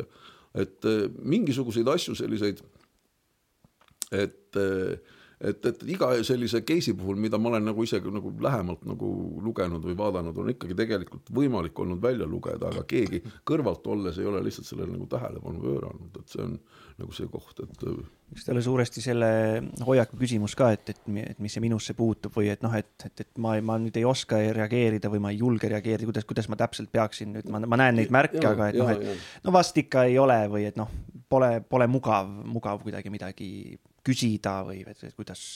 kuidas sa ennast tunned või, või, või, või, või miks sa, miks sa niimoodi kirjutad või räägid või et. no igal juhul need on märgid ja, ja kui see ei ole nagu selle inimese puhul normaalne, kui sa oled temaga nagu pikalt koos olnud ja sa näed, et ta hakkab jälle või tegema mingit, midagi sellist või rääkima midagi sellist või kirjutama midagi sellist, mis ei ole tavapärane siis kindlasti, kindlasti on see koht, kuhu, kus tuleb nagu tähelepanu pöörata sellele, ma ise arvan niimoodi, et me oleme nüüd pikalt rääkinud äh, vanglast, aga, aga rääkides ähm, sellisest äh, inimese tumedamast poolest, mis äh, vanglasse võib-olla ei jõua, sellised valgekrae kuriteod. et illegaalne äri üheksakümnendatel toimus siinsamas lähipiirkonnas tihtilugu, aga ma saan aru, et see on maailmas ja Eestis noh, tervikuna muutunud vähem räpaseks, vähem märgatavaks et, et kuidas sa seda muutust äh, kommenteeriksid või, või iseloomustaksid? no äh, eks see selline muutus on selgelt ju olemas ja kui me neid selliseid tegusid siin viimastel aegadel nagu vaatame kasvõi läbi selle äh, sellise nagu nii-öelda kriminaalse prisma või selle tumeda, tumedama poole ettetoomise, ettetoomise kontekstis siis hakkab ju tegelikult silma see, et mis minul isiklikult, see on täitsa minu arvamus ainult. et meie õigusruum on ühel hetkel ikkagi selline natukene nagu vähekene nagu piiratud. ja meil on nagu selliseid erinevaid äh, kaasusi, kuriteoliike olnud äh, väga erinevaid, noh, ütleme kasvõi seesama mingisugused äh, korruptiivsed kuriteod mingid, mingisugused lubamised, et näed, et mina olen mingil positsioonil ja sa tuled, küsid, kuule, kas sa saad korraldada nii, et, et võib-olla ma saan sealt kuskilt mingi jupi maad juurde või juhtub midagi sellist, on ju. iseenesest tundub ju nagu selline sõbrateene. Ja sa isegi ei paku mulle mingit altkäemaksu, sa isegi ei ütle mulle, et no käime, ma käin sulle mingi noh, väikse mingi sidruni või kuidas nad seal on, igasugused. Sidrun. sidruni välja, limon, on jälle venekeelsest sargoonist raha, rahaühikute pealt. Ja, ja siis, ja siis on ju, siis on ju tegelikult see, et äh, see on ju kuritegu, kus sa kasutad oma positsiooni ära, võimuga kauplemine, eks siis ja, ja siin on nagu ja mis on siin paljudel puhkudel olnud, kus on äh, väga suured poliitikud, ärimehed äh, ju kinni langenud ja pärast paljud on ka õigeks mõistetud ja tema nagu renomee on sellega ikka nii kõvasti kannatada saanud ja, ja ja, ja, ja ta ilmselt sellesse valdkonda enam tagasi ei tule. aga siin on tegelikult see olnud paljustel juhtudel, juhtudel ka see, et meie õigus, õigusruum katsetab, äh, kas meie seadused on selles kohas vettpidavad või ei ole, et noh, see tegelikult on nagu ikkagi inimsaatuste peal suhteliselt mängimine. et siin on ju väga palju olnud selliseid omavalitsuspoliitikuid, kes selle õnge on nagu või selle taha nagu läinud. et sa lihtsalt oled, pead nagu teed nagu mingisuguse case'iga mingisuguse kohtutee läbi ja siis on meil olemas kohtupretsedent, meil järgmine kord selline asi tuleb, siis meil on kohe nagu varnast võtta, näed selle, selle kaasusega sihuke asi juhtus, riigikohus on nii öelnud ja, ja siis ongi see nagu nii-öelda kuriteona kvalifitseeritud. aga kui sa tegelikult see nii ei juhtu, noh, sa ei tahaks ju, sa oled praegu auväärt inimene, on ju, sa teed sellise kadalipu läbi ja lihtsalt sellepärast, et sa kedagi aitasid näiteks, noh, ma toon lihtsalt siukse kerge näite. sinu elu on rikutud ja, ja midagi teha ei ole enam. ja pärast öeldakse oi sorry ja küll küsid mingit kompensatsiooni, visatakse seal nagu jah, antakse, kantakse midagi üle. kas see, kas see sind tagasi toob või ei too ju enam Öeldakse ühesõnaga jah, et blood is bad for business, et see, et need äh, kuriteod on vähem sellised ähm, noh, äh, kuidas öelda siis, otseselt nagu laiemale üldsusele mõistetavalt kuriteod, võikamad. et, et see, et nad on muutunud selliseks delikaatsemaks ja vähem märgatavaks ja suur osa ühiskonnast ei saagi aru, et kuskil telgitagustes midagi toimub, keegi kedagi aitab. kas see siis teeb neist väiksemad kuriteod? Ei no kindlasti, kindlasti ei tee, aga, aga lihtsalt, et äh, siin ongi see, et, et teatud, teatud põld on, kui me ütleme igasuguste selliste tapmiste, narkootiliste ainete käitlemiste, võib-olla ka mingisuguste muude varavastaste kuritegudega me oleme suutnud selle õigusruumi nagu nii-öelda väga selgeks saada, siis need on nii õhkõrn teemad, et seda me täpselt praegu ju ei tea, kuidas üks või seaduse põhjal millegi puhul nagu äh, kinnitust leiab, et noh, et see ongi see koht, et mis siis nagu saab, et, et. peenhäälestamine. no täpselt jah, vaata jah peenhäälestamine, vaata hea sõna jah. et, et, et siis ongi ja siis katsetataksegi, tehaksegi selliseid katseid, noh, ütleme. see, no tegelikult ise ei varjagi seda, et seda tehakse selle nime, selle nimel. no hea küll, kui on kui on siin jälle nagu case nagu väga selgelt see olemas, et kuskil keegi sai raha keegi võttis raha, no siis ei ole midagi, no siis on selge, altkäemaks või midagi niimoodi, aga kus on niisugune lubaduse peal äh, asjade tegemine, et siis on see nagu suhteliselt ikkagi,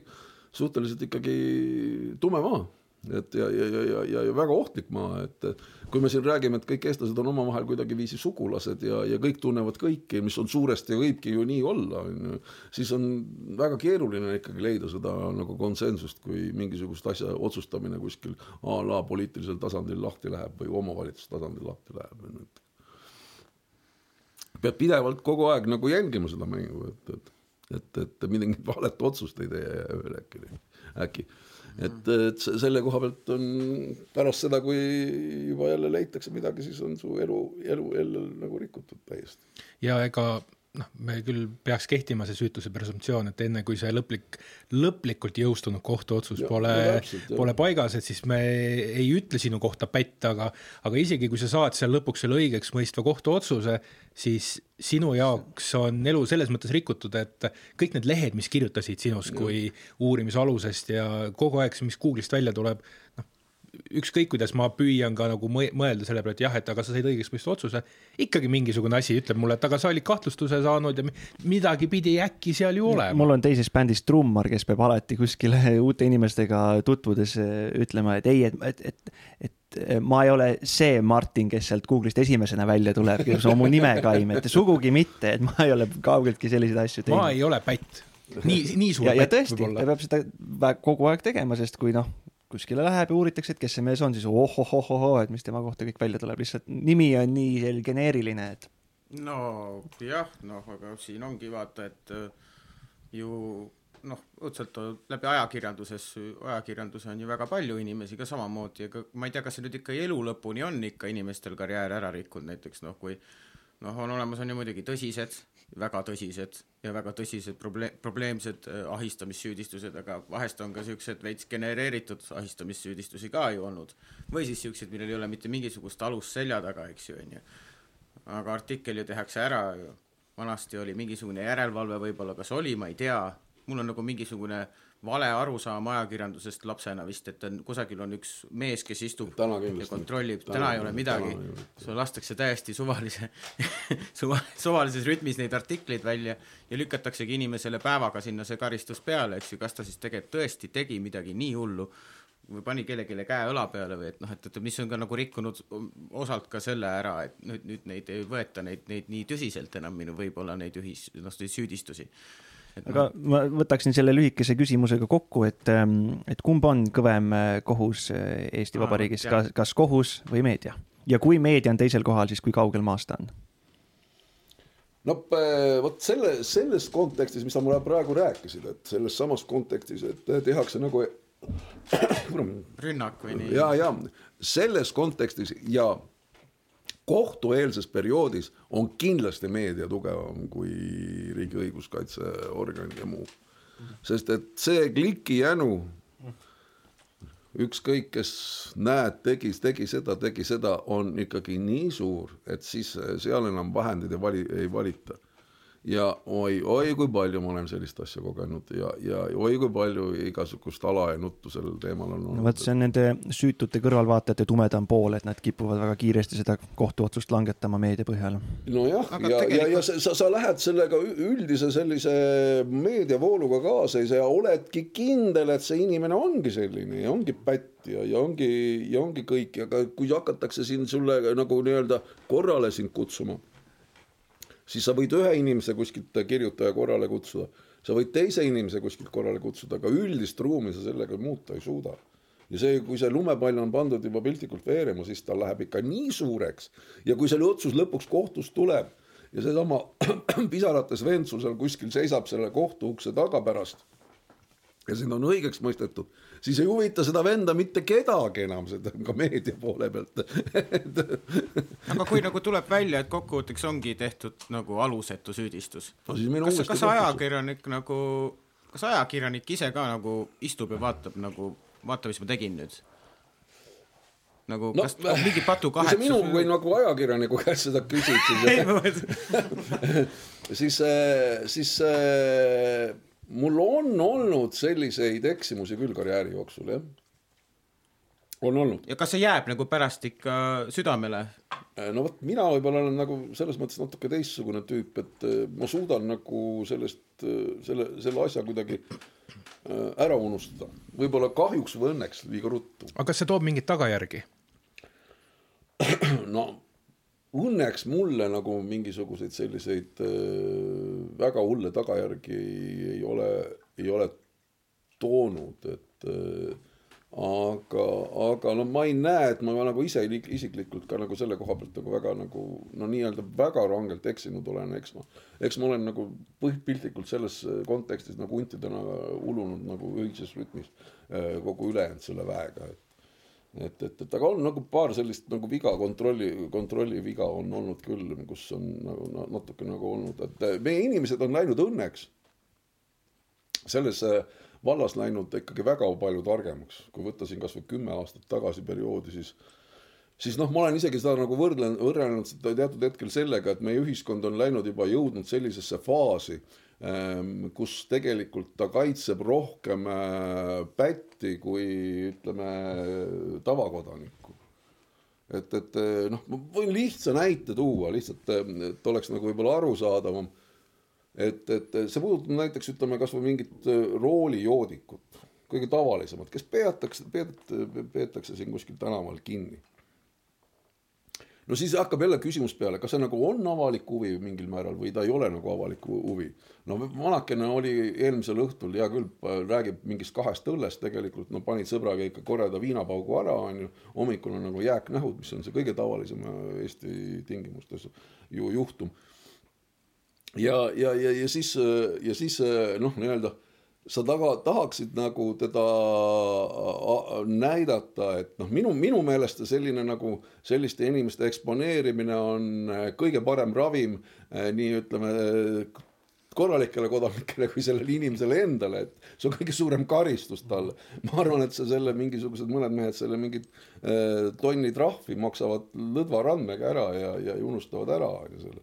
ja sellest, sellel tasandil on siis nagu tekkinud äh, väga palju ikkagi poleemikat näiteks, et et äh, kuna sulle tegelikult ei tohita, ei tohi keegi ütelda, kui suur tal see joove näiteks nagu oli, kas seal oli seal natuke, natukene noh, kas ta oli juba üle null koma viie, kus läheb juba kriminaalseks, mis juba tähendaks seda, et võiks nagu julgelt ju vanat näidata, et kes seal nagu roolis oli et see on selline väga-väga nagu, väga nagu õhkõrn ja, ja, ja pigem on täna see õigusruum võtnud sellise nagu lähenemise. ärme pigem teeme, ärme pigem näitame, ärme pigem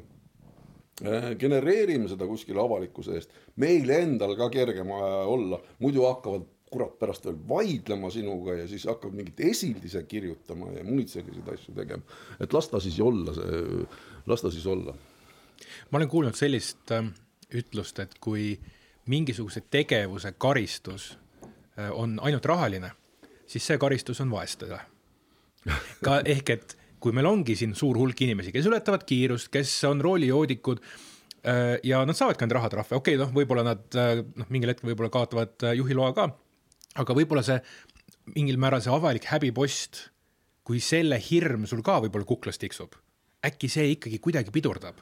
sest et Maire Aunaste jutt minu meelest jõudis kas küllaltki kohe ju, noh, kui ta nüüd siin mõni aeg tagasi jäi jälle purjus peaga vahele, see kõige viimane suurem pärast, mida ta Maalehest ka siis lahkus, see tuli ikka väga kiirelt. et mingisugune põhjus ja otsus oli seal ka ju, kui see lugu avaldati. no ta läks ju kohe veel Ringvaatet, see tegi avaliku pöördumise veel Eesti rahvale ja no, no ei, sa mõtled seda, et ta kuskilt pidi ju välja tulema. just, just ja, ja, ja üldse, et noh, et see avalik häbipost kui selline, et äkki see on ka no, üks karistusmeede no ikkagi. ei, see ongi, vot mina olen seda, mina olen sedasama usku jah, et tegelikult see võiks ju täiesti nagu toimida aga no teine pool on just see, et, et kust ta nii siis nagu, nagu välja tuli siis, et tegelikult olgem ausad, ega, ega politseil politsei kindlasti ametlikult seda teha ei saa, nad ei, nad ei, nad ei julge, mitte ei julge, nende, nad ei tee seda. et no kuskilt pidi see nagu siis välja tulema, nüüd on küsimus selle, et kas mõni tuttav politsei, keegi ütles mõnele tuttavale tegelasele, kes kuskil mõne, kuskil Tartus seal töötab kuskil mingisuguses äh, samas nii-öelda mingis meediaväljaandes või kus ta siis midagi iganes oli, või lihtsalt keegi juhuslikult nägi ja keegi teadis jälle kedagi, kellele öelda seda edasi, et no see on nagu vaagimise koht, et, et et, et, et kuidas see nagu noh, niimoodi, niimoodi nagu välja tuleb, aga mina olen ikkagi seda meelt, et jah, et kasvõi ütleme nende samade roolijoodikute põhja, põhjal, et see oleks ikkagi kindlasti hulka tõhusam karistus, kui seal mingisugune rahaline karistus mm. -hmm. sest see on ju ka tegelikult ju kohe selgelt äh, tõestatav et see ei ole see, et sa pead kohtuotsuse ära ootama. mõõdetakse, näitab ja, ja noh, kui see ei ole selline võib-olla natukene, et see on ikkagi nagu noh, märgatav tulemus, noh siis on ju asi selge. oled aga süüdi no,. aga no nüüd on jah, et eh, mitte ainult selle puhul, et nende roolijoodikute puhul, aga tegelikult on veel palju selliseid asju, kus tegelikult eh, noh, mulle tundub küll, et me kaitseme rohkem neid inimesi, kes on hakanud või kes rohkem, kes seadust on rikkunud me rääkisime siin, kuidas meedia mõistab enneaegselt inimesed omavoliliselt süüdi, aga, aga vastupidine olukord, kus kohus mõistab süüdi, aga tegelikult äh, tegu seal ei ole, et, et selliseid kui, kuidas selliste juhtumitega sinu karjäär seotud on, kas üldse on? no, no eks, noh, mingil määral eh, need on nagu ette tulnud, et, eh, et, et siin on jälle nagu kaks asja, et eh, meil on ju kolmeastmeline kohus uuemal ajal Eestis. et võib-olla esimene aste on süüdi tunnistanud, teine jälle ei ole, et neid asju on nagu rohkem, rohkem nagu ette tulnud, et, et aga, aga, aga mis võib öelda, on see, et et kindlasti on noh, meie kaitseprogramm ehk advokaatide selline kvalifikatsioon läinud ka paremaks ja siis neid asju ikkagi tuleb ette, kus see karistuse suurus või karistuse no nii-öelda äh, kohaldamine, et kasvõi mingi paragrahvi kohaldamine on ikkagi oluliselt äh, nagu muutunud. et neid tuleb küll nagu ette, et, et selles suhtes on ikkagi, ikkagi advokaadid teinud ka ikkagi teatud puhkudel tubli töö, et päris niimoodi ei, ma küll ei usu, et äh, oleks olnud inimest, kes on süüdi mõistetud ja, ja ta üldse süüdi ei ole, sellist asja mul tuleb ainult mingisugusest ka ühe eluaegse vangla, vangi pealt, kes äh, kes sai nüüd ka vist äh, vabaks tänu sellele, et tegelikult tõendid, see juhtus mingi Sillamäe juhtum oli ja, ja seal ka kuskil kaheksakümnendatel või mingi kaheksakümnendate lõpus mõisteti eluaegselt, elu, eluks vangi ka tapmiste peast, aga pärast hakati ikkagi neid asju kõik uuesti üles korjama ja, ja läbi vaatama ja tegelikult tõendeid ikkagi nii palju ei olnud selleks, et tunnistada, et vend on selles kuriteos süüdi ja noh, siis praegu ta siis nagu nii-öelda lasti piltlikult lahti, noh, uuesti vanglast välja, et, et aga noh mitukümmend, mitukümmend aastat. no ta ikka istus vist seal ikka kuskil kakskümmend pluss midagi ikka no aga see on ikkagist, et tõendeid lihtsalt ei ja ole. tõendid lihtsalt ei ole. ei no, ole tõendatud, et sa tegid. tõendatud, jah. mitte, et sa oled äh,, ei ole süüdi, vaid ja, me ei suutnud tõendada. ei suutnud tõendada. on ju see juhtum, kus jah, nagu süütu mees pannakse eluks ajaks ja siis tuleb peale kahtekümmet aastat vangi, no seal peab küll pärast mingi väikse ülekande pangakontole tegema eks nende puhul ikkagi jah, on üli, ülekanded võimalikud, aga, aga päris nii, et nagu oleks olnud niimoodi, et, et, et ja ei olegi nagu midagi teinud, et seda on ikka suht, suht raske, pigem on see, et pigem nagu jah, ei suudeta paljusid asju, asju tõestada nii korralikult.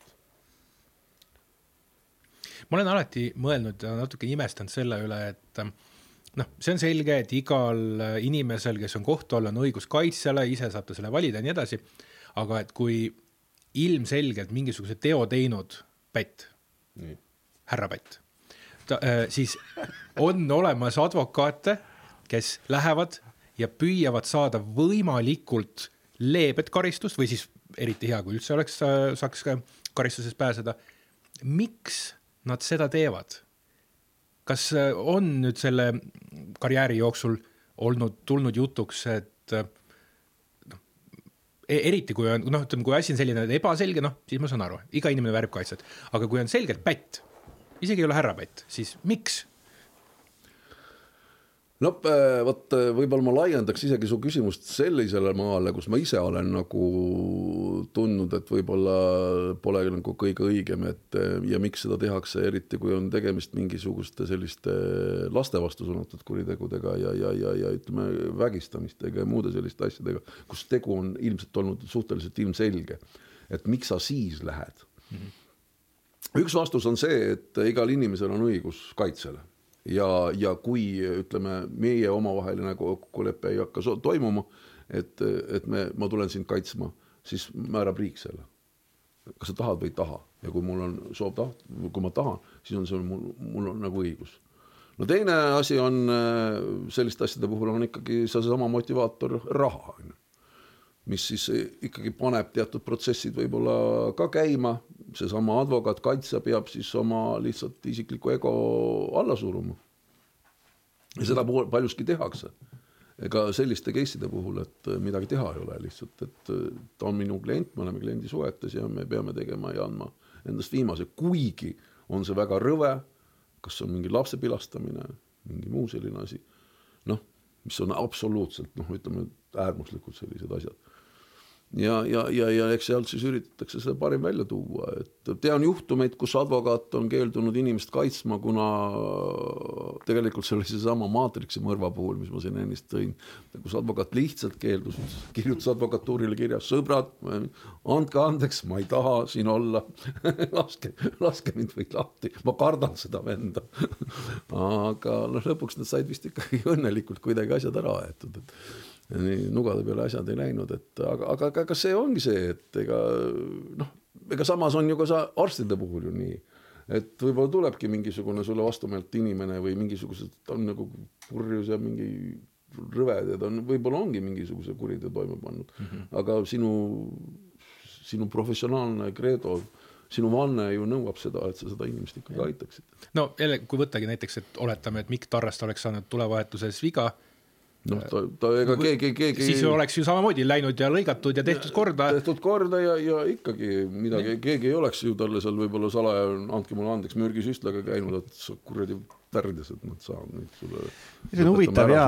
Hippokratese vande ja siis ähm, advokaadi vande võrdlemine, et. no tegelikult see ta on ju, on ju nii, et ega ma, ma tean, ma tean advokaate väga palju, kes on just nende samade asjadega tegelenud, kus on seal nagu need sellised lapse vilastamised ja pedofiilia case'id ju, ju, ju taga olnud ja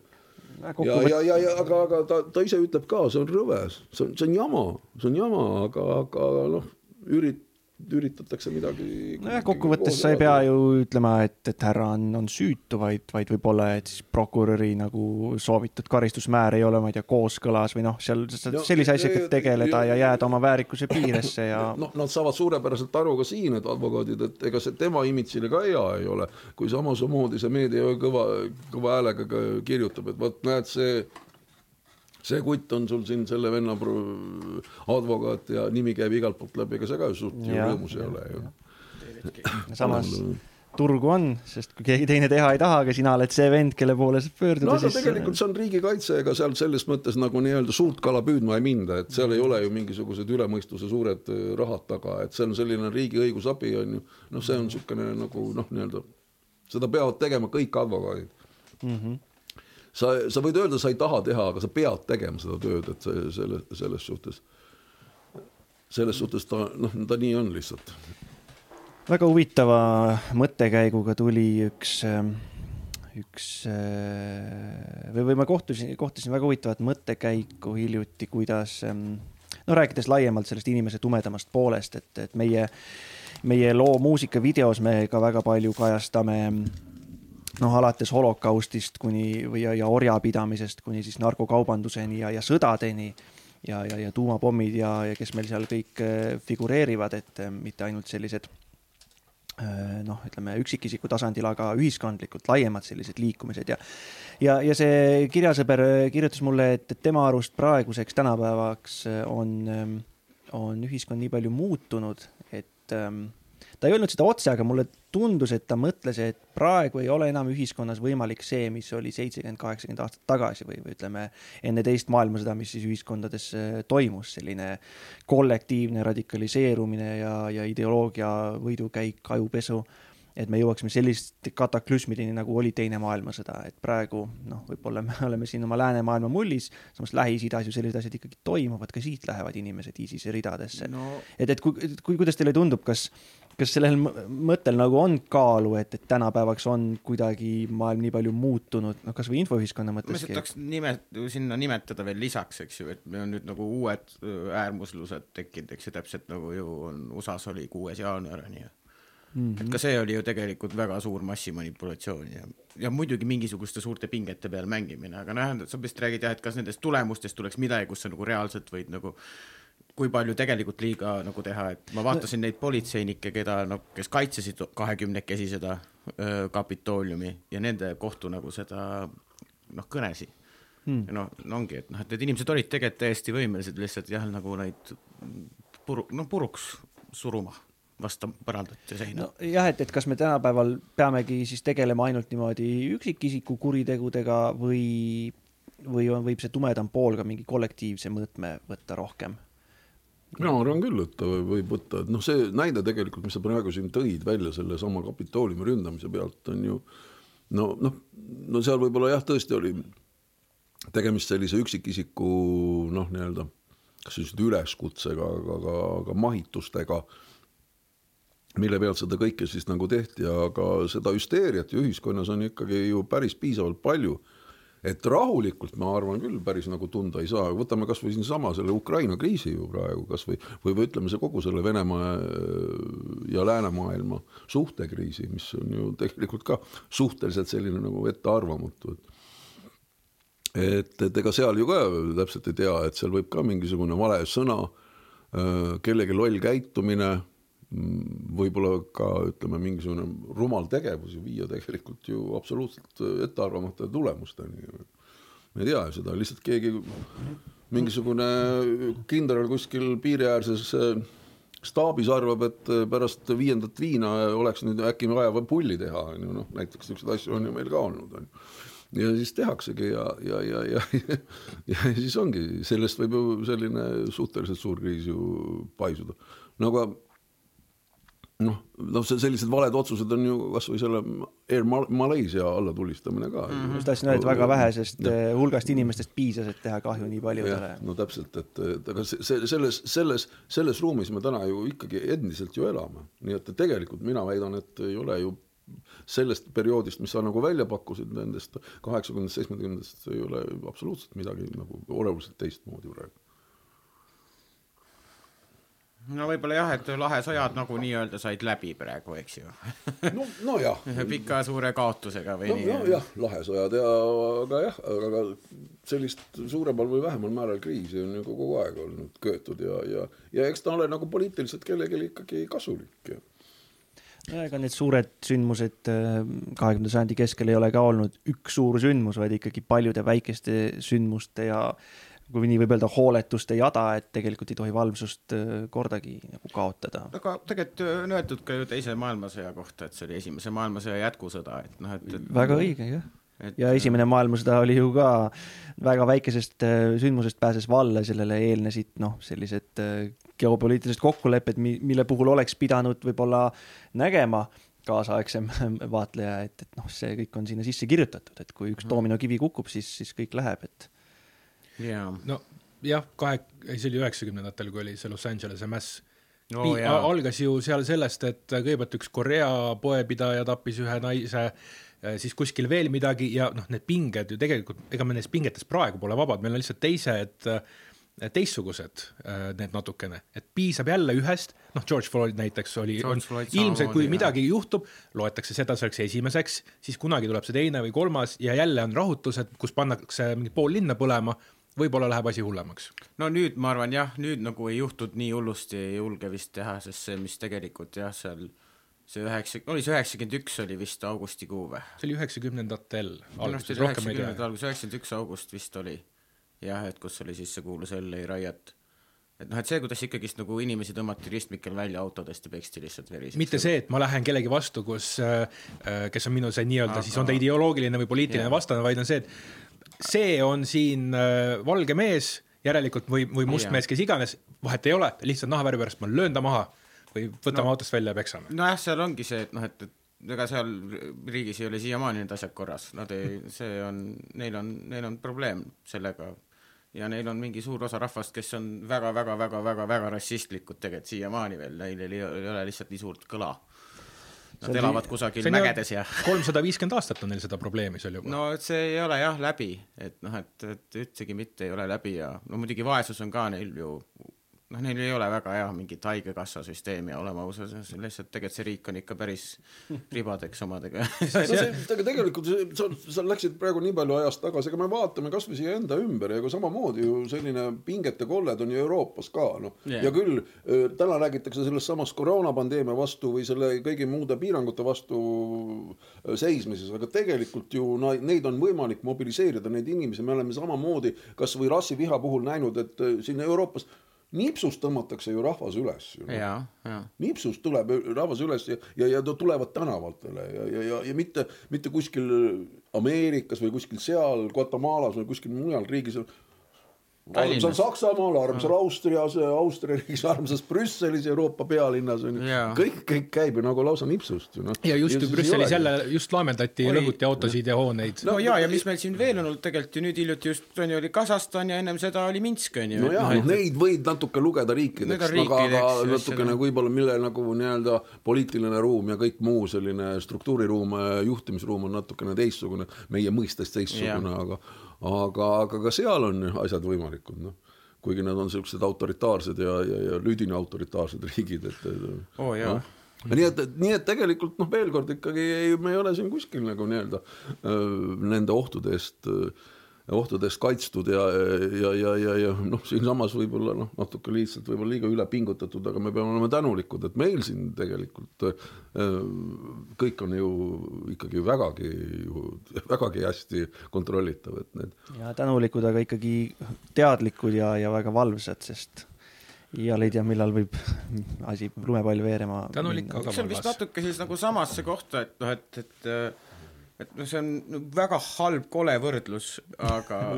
tänu nendele kahele suurele sõjale võib-olla on need samamoodi nagu need kohtukeisid, mis neid eriti delikaatseid nagu asju vaata eh, nii-öelda neid noh, läbi teevad, et ennem ei saa sellest üldse mingit kriminaalset süüdistust. Anda, nagu sa ennem rääkisid sellest, kuidas uuritakse neid maa, neid nii-öelda altkäemaksu stiilis. Ja, ja, jah, eks ju, et see on sama analoog, et kuna on olnud nii suured roimad öö, modernses ühiskonnas juba kahekümnendal sajandil, siis nagu teatakse, kuidas nagu mitte nendesse aukudesse võib-olla enam astuda. aga nagu seal piiril võib-olla on küll juba jah. et kui ma astun, et mis see kaasa toob,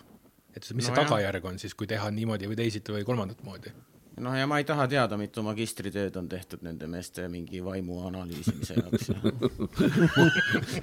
ma olen kindel, et hulgi, hulgi. aga see on väga hea point muuseas ja tegelikult seda peaks lausa, lausa vaatama, ilmselt annab mingil moel selle selgeks teha, et et no kindlasti on tehtud, kindlasti on tehtud. ja, ja et, et see et, et seda, neid, sellist materjali kasutatakse väga paljugi ära ja, ja, ja, ja, ja ma usun just nende, nende tüüpide pealt, kes, kes ongi mingisuguseid selliseid äh, haigeid ekstremaalsusi teinud, et need roimarid ja mida iganes, need on kõik ju psühholoogidele, psühhiaatritele selline kuldne põld ja seal Jah. igaüks tahaks teda hakata nagu nii-öelda verbaalselt äh, pulkadeks võtma ja, ja, ja kuulata ja, ja aru saada, noh, Breivikust rääkisime enne, ma usun, ma usun, kas ma ei tea, ma ei ole muidugi kuulnud, kas on mingisuguseid uurimisi tehtud või, või, või uuringuid tema, tema nagu vaimse tervise suhtes avalikuks tulnud, aga ma usun, see on tehtud, on ju, ja, ja kindlasti on see ta selline midagi nagu ütles siin nüüd, et noh, et ta vist, et noh, et jah, kahju, et ma vist tegin, aga ta vist ikka veel ütles, et ta on paremäärmuslane ja värki no, ja seda eest edasi. noh, tegemist on ikka ühe mehega, kes lihtsalt läks, lasi mingi seitsekümmend pluss noort inimest lihtsalt maha, et selles suhtes see on, see on ikka hull segumees. No kindlasti eh, inimeste kuriteod on ühel või teisel moel millegi saamiseks, mida nad teistmoodi ei oska saada või, või, või millegi kompenseerimiseks, aga, aga kui me nüüd üritaks kogu selle jutu juurest tulla võimalikult ähm, nende tegude juurpõhjuseni, nii palju kui see võimalik on, siis ähm, noh, olles nagu ühisel arusaamisel, et inimene sünnib ilusa ja heana mm -hmm. ja, ja, ja tema keskkond on ikkagi see, mis teda mõjutab, siis, siis ähm, mida me saaksime teha? nojah, et äh, vaata näed, et nii põhjapanev eksistentsiaalne küsimus, et täpselt ja et, et noh, mida me teha saaksime. kuidas parandada maailma. Et kas me peaksime rohkem kuidagi avalikult või, või, või, või kõvema häälega seostama seda, et, et, et need asjad, mis ühiskonnas juhtuvad eh, ja need, mis tehakse, need kuriteod, et need on ikkagi lihtsalt väga tugevas seoses sellega, milline oli inimese noorpõlv, lapsepõlv, perekond, kuulumine jah. mm,, noh, sõprade tähelepanu, et, et kõik, kõike seda suurema kella külge panema. kas see oleks no nagu... minu jaoks jah, minu seisukoha pealt jah, et pigem vastus oleks jaa, et, et, et kui hakata taas selliselt võib-olla väga üldpoliitiliselt rääkima, et siis eh, ka siin läbi, käinud teema juba seda, et märka ja märka ja märka ja ja, ja, ja see on nagu kõ- kõige, kõige nagu olulisem, et et, et, et noh, tänapäeval tundub, et ütleme kasvõi see, kui me taas läheme sellesse vangla vanglasüsteemi sisse, siis noh, et äh, nõukaaja sellised rudimendid, mis meil nagu siin kaasas olid, et nii kui sa nagu midagi, millegi vastu eksisid, pandi sind erikooli, mis tegelikult oli kordades hullem kui su reaalne kodu, on ju. Äh, kui sa seal millegi vastu eksisid, sa läksid järgmisesse erikooli, internaati, kolooniasse, mis oli veel hullem, et see hierarhia oli või seesama ring oli nagu suhteliselt äh, suletud, sa sealt ei saanudki nagu välja. No tänasel päeval on ikkagi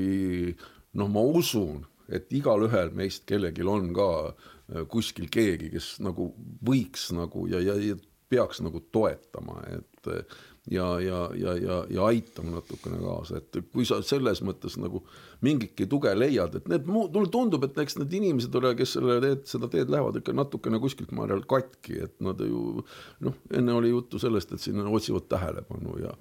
ja, ja, ja tahavad kuidagi kellelegi nagu midagi tõestada ja eks seesama ongi seesama või see ongi seesama vastus, et et, et ma arvan kindlasti, et kui me suudame sallivamad olla ja, ja, ja rohkem märgata, siis, siis, siis ei, siis ei peaks me võib-olla nendel teemadel nii palju polemiseerima. et, et inimene ei tee julmi tegusid sellepärast, et ta on iseenesest julm. ei vaid..., ei, ma, ma ei, seda ma ei, seda ma küll ei taha Just. uskuda, seda ma küll ei taha uskuda, et noh ma olen neid julmasid äh, vendi näinud küll ja küll, aga äh, samas läheb, äh, samas läheb koju, nutab patti ja, ja, ja, ja, ja, ja ma ei tea, mida võib-olla isegi teinekord mõni mees palub jumalat ja, ja ja kõiki muid sinna juurde ja, ja või, või maja ees kohtab koera, teeb pai. no kasvõi, kasvõi noh, tead ma, ma ei, ma ei, ma ei, ma ei usu jah, et, et, et julmus sisse genereeritud ei ole kindlasti mitte kellelegi seda saab kindlasti arendada ja, ja, ja, ja, ja süvendada enda sees, aga, aga algusest peale ei ole kellelegi sisse see nagu genereeritud. kas nad nagu ise nagu mõtlevad, kellel on nagu olnud see, et on nagu midagi väga julma teinud, eks ju, et kui ta on nagu nii-öelda rehabiliteerub äh, vanglas, et kas tal nagu on iseenda suht-, suhtes usku nagu, nagu täpselt ennem Karri mainis, et see on nagu niisugune otsus, et mõni nagu mõtleb, et ta on nii kadunud juba et noh, et, et tema ei saa kuhugi enam ja et sureb, on põrgu ja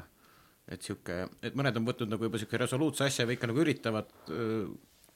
no see on nii ja naa, et kindlasti mõnel on seda, et no tähtis on, et seesama soov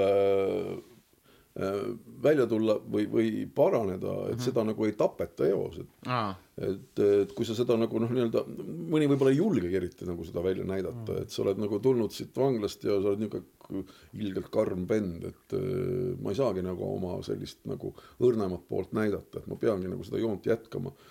ja, ja, ja, ja kui seda nagu nii-öelda noh, ära ei tunta ja sul ei ole kellelegi kasvõi seda rääkida äh, või kellegi käest nagu seda abi saada siis sa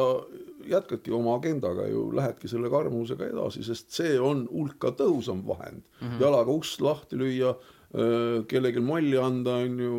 teha seda, mida sa oled nagu väga hästi teinud ja os oskad teha, et see on lihtsam ka, see ei nõua ka. pingutust, seda sa juba ja, tead ja oskad. ja, ja sa ei nõua pingutust ka ja, ja sa, sa juba tead täpselt, kuhu, hea küll, et täna tulin välja, kus selle jälle mingisuguse doosi jaoks, kas või mingisuguse viina jaoks mingi raha saada, kuidas seda saada. et see on lihtsam ja nagu on jah. jah, ja aga noh, headuse mõttes oleks see see, et sa peaksid hakkama nagu tööle ja siis sa saad midagi ja kuidas ja kuidas sa seda asja nagu enda jaoks edasi mõtled ja, ja, ja kuhu sa selle raha siis nagu paned. aga jah, kui see nagu headus tapetakse, tapetakse ära, no paraku on see nii, et noh, et seesama äh, kriminaalhooldussüsteem Eestis ikkagi veel võib-olla noh, nii, nii tugev ei ole, kui näiteks võib-olla ta kuskil meil siin juba kõneks olnud Skandinaavia riikides et noh, meil on seesama ka töö ju ikkagi suhteliselt selline alatasustatud mm -hmm. ja kes see mhm. läheb sinna ja hakkab nende samade kuttide naistega, kes noh, naisi meil õnneks on ikkagi vähe suhteliselt istub, aga nende samade kuttidega no hakkab seal nagu siis äh, teda aitama ja, ja, ja, ja, ja talle nagu ellu kaasa minema ja no selles mõttes nagu mingilgi määral ellu kaasa minema ja teda nagu juhtima ja õpetama. no no see ei ole ju, ei ole ju jätkusuutlik, sest kas ma pean ennast nagu, see on tegelikult selle inimese ene, eneseületamist ka teatud inimeste puhul ju nõuab -hmm. et sealsama mm -hmm. kriminaalhooldusametniku. väga suur töö. noh, see on, see on väga, väga, väga, see on karm töö, et, et, et aga noh, ühel hetkel küsid, et noh, milleks mulle see kõik ja, ja, ja, ja kuna noh, ta ongi selline nagu nii-öelda samas ka alarahastatud ja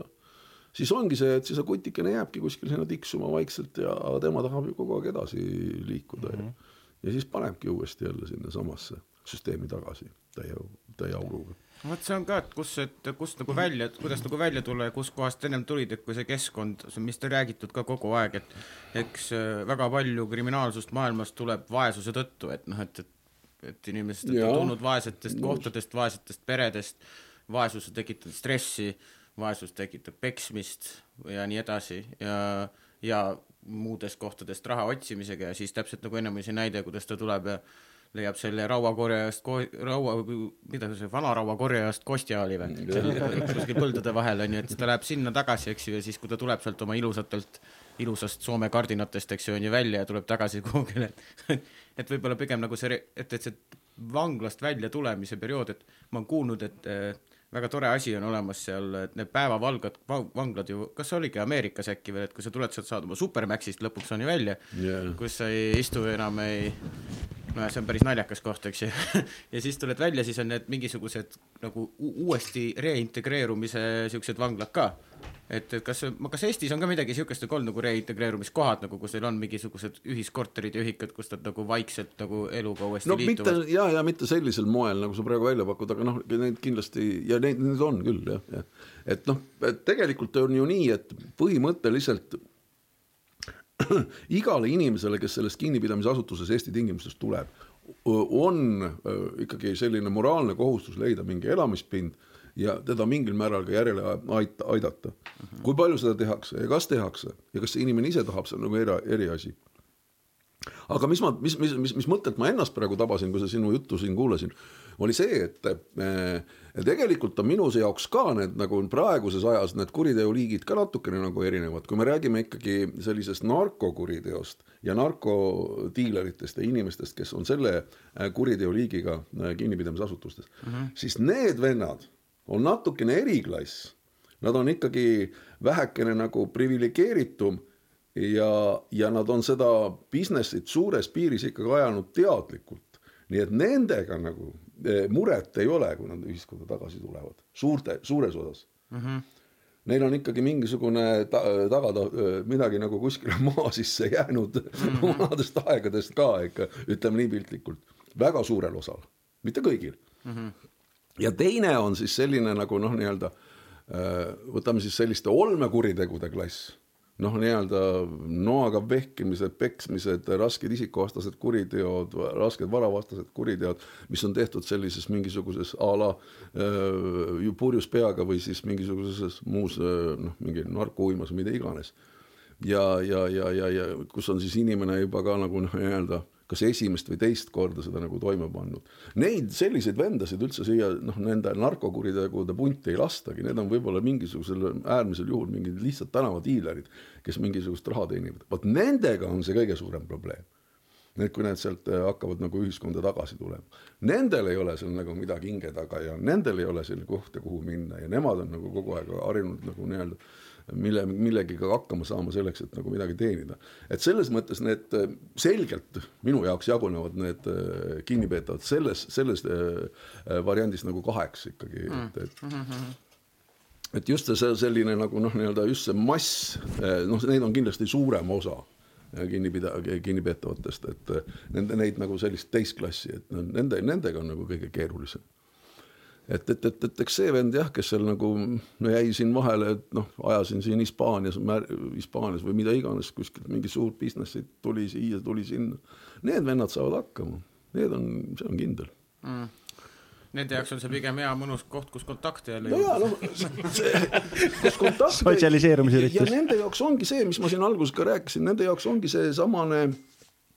nii-öelda töö Nemad ongi seal oma OÜ-s seal kuskil tööl ja, ja, ja, ja, ja seesama kümme aastat ongi see nende jaoks noh, nii-öelda Nad on ju tegelikult, meil eksisteerib täna mis, meil eksisteerib täna suurepäraselt hästi, eksist-, toimib ka ühiskassa, allmaailma ühiskassa, mis väga korralikult toimib. mehed saavad makstud, advokaadid saavad makstud, kui sa oled ikkagi selles klassis siin, mis ma siin kirjeldasin mm -hmm., noh, nii-öelda organiseeritud kuriteo tegevuse klassis kõik saab tehtud, pered saavad hoitud mm. -hmm liisingud saavad makstud ja võib-olla saad palgatõusu, kui välja tuled hüvitisena. aga, aga klausel on lepingus ikkagi selline, kui sa välja tuled, see raha tuleb tagasi minna. teenida. See ei ole niimoodi, et sa ütled, oi poisid, näed, no ma ei taha enam. tahad, tahad, näed, siin on arve, siin on arve, arvel näed numbreid näed, kui palju siin on igasuguseid nulle ja nulle ja nulle. Yeah., palju siin on nulle, sada tuhat, näed, näed, näed, näen, nii, toome tagasi selle raha. Ja kui läheb hästi ja sa selle raha tagasi tood, mis sul on makstud kõigi nende kulutuste eest, siis võib-olla hakkame sinuga läbi rääkima, et kas sa lähed minu OÜ-st minema või sa ei lähe minu OÜ-st minema, aga siis oled sa juba jälle nagu nii-öelda hea rasva peal, tuleb ja ilusti tuleb, sada tuhat on makstud, natuke jääb endale ka. Ja saan ka jälle osta uue auto ja vaata veel midagi. Ei teaks, ma ikka lähen siit OÜ-st ära. ja siis oled jälle kinni. uuesti raha koguma. ja see on reaalsus, see on tänane reaalsus. elukutselised, elukutselised vangis istujad. noh, no see on tema töölepingusse sisse kirjutatud Jaa. ja nende inimestega, ma ütlen veelkord, ei ole muret. muret on just nendega, olmetülid ja kõik sellised asjad, peksmised, vargused, kõik muud sellised. Nendega on probleemid kui meil enne käis siit läbi mõte inimese sünnipärasest äh, sellisest süütusest ja puhtusest ja headusest äh, ja, ja sellest, et me peaksime seda sõnumit võib-olla rohkem võimendama ja, ja kultiveerima, et, et inimene noh, et ei ole häid ja halbu inimesi, vaid on noh, mingisugused muud äh, olukorrad elus, siis võib-olla puhveti lõpuks räägid sa mõne võib-olla kõige sellise liigutavama kogemuse inimese tumedama poolega kokkupuutest, kas siis äh, rehabilitatsioonist või, või mingisugusest muust inimlikust küljest, mis, mis on sulle osaks saanud aastate jooksul? jah, vot selle tumedama poolega, et sealt nagu mingisugust sellist väga erksat ja südantlõhestavat lugu nagu välja praegu kiiresti raalida, siis ma jään kohe nagu ette hätta, et ma siin vahepeal rääkisin selle Soome vangla juttu küll sellest samasest nitšli tegemisest seal ja poiste sellisest mm -hmm. kulinaarsest oskusest, et kindlasti nagu ma tooksin selle välja siin küll ühe sellise hetkena, kus sa näed, et, et noh, inimene nagu selles mõttes, et ka oskab sellest halvast olukorrast enda jaoks leida nagu huvitavaid asju. Ja, ja eks tegelikult sealt ta oli ka see nagu noh, nii-öelda, milleks see šnitsel siin oli, sest ta tegelikult õppis seda seal ju vanglas tegema ju noh, selles samas vangla köögis noh, et ta võis ju olla eh, tubli poiss, aga tema kulinaarsed oskused olid ju sellised, mida, mille pärast seda kõike tehakse. selleks, et inimene, õpetatakse neid samu kinnipeetavaid selleks, et inimene sellest nagu tulevikus elus ka kasu oleks, noh. ma ei kujuta ette, et meil siin vanglas keegi hakkas seal sul niimoodi liha raiskama, et kuule poisid, proovime nüüd šnetsli tegemist. ja kui supi sissegi ei jätku jah, et, et, et vot see oli see, see, see, noh, see oli nagu üks juh-, kord, aga, aga mul sellist nagu niimoodi paugust väga nagu sellist helget, helget nagu väga momenti ei, ei, ei löögi jah ette, mis nagu oleks nagu kinni peetud, ma olen väga palju ma olen väga palju kuulnud äh, nende inimeste lugusid, ma olen neid ühe projekti jaoks ka lindistanud, salvestanud äh, teleprojekti jaoks. ja, ja, ja, ja, ja nendest lugudest kindlasti, mis äh, kunagi eskaleerusid äh, või jõudsid nagu eetrisse, tegelikult jäi vot nii kohutavalt palju materjali üle ja, ja tegelikult need lood, mis on tegel-, noh, mida nad rääkisid need on nagu sellised, no mida, mida meie siin isegi kõige halvema fantaasia juures ei oska nagu välja hakata mõtlema, et kuidas tegelikult elu käis seal kuskil kaheksakümnendatel ja, ja, ja, ja, ja üheksakümnendate lõpus, kui Eesti riik eh, taas oma nii-öelda vanglasüsteemi käima sai. et noh, need lood on ikkagi sellised väga väga mõtlema panevad ja, ja, ja väga südantlõhestavad, kus tegelikult iga päev, iga tund, iga minut käis ikkagi võitlus oleluse eest, et sa ellu jääksid, sest et, et tegelikult sa ei teadnud, kui nii kui pilgu ära pöörasid, võis keegi sulle mingisuguse raudora lihtsalt nagu nii-öelda kehast läbi lüüa piltlikult. et, et noh, ta on nagu selles mõttes jätnud nagu jälje, et noh, mitte et seal nagu midagi positiivset oleks olnud, aga see paneb ikkagi mõtlema ka, et et eh, ja mind isiklikult kindlasti just sellesama poole pealt mõtlema rohkem ka, et nagu sa küsisid, see elu tumedam pool, et et, et veel kord eh, sellesama märksõna juurde tagasi, et noh, et ikkagi katsume ära tunda need inimesed, kui ta hakkab juba ära käest minema, et tuleb nagu taas ree peale aidata, sest et hiljem on seda ikkagi kordades raskem teha ja ja mina olen seda usku inimene, et eh, kaasaegne, ükskõik kui hästi mm, rakendatud kinnipidamisasutus seda inimest ikkagi täiel määral ümber ei kasvata, et see on ikkagi inimeses endas kinni väga paljuski. et mida varem, seda parem. mida varem, seda parem jah, et, et nii ta on kahjuks. senati puhvetis olid Allan Muuk ja senaatorid Laurits, Matis, Kaarel ja Martin Eero. järgmine singel ja järgmine jutusaade juba esimesel märtsil. aitäh aitäh teile ka kutsumast väga, väga, väga tore oli teiega siin olla lühidalt kokkuvõttes, aitäh. aa, see on nüüd tõesti sündinud lugu.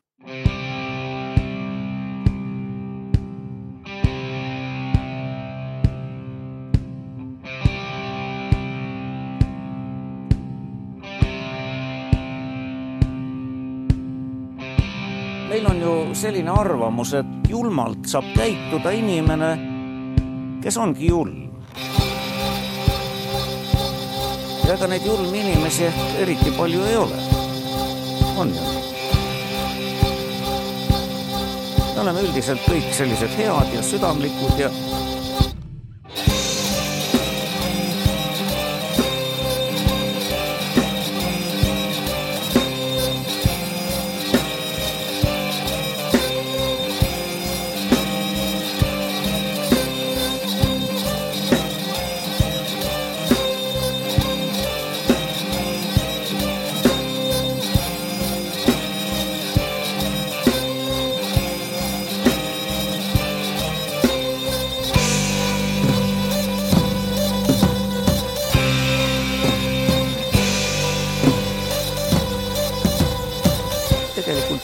saab panna niisugustes tingimustes, kus ta ise ei vastuta, tegema üsna jõledaid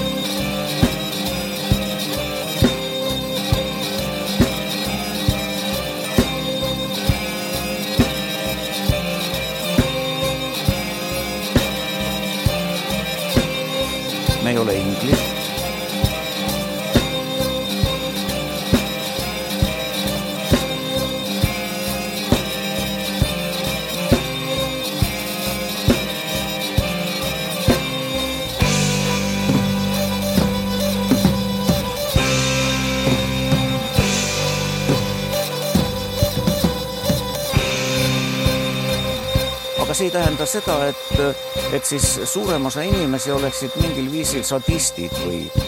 miks nad teevad seda?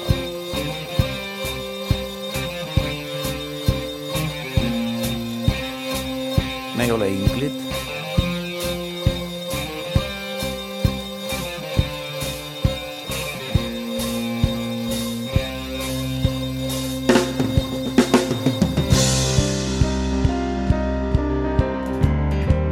kas see käsk on nii või teistsugune, see ei ole oluline. ta ei vastuta. ta teeb seda, milles on kokku lepitud.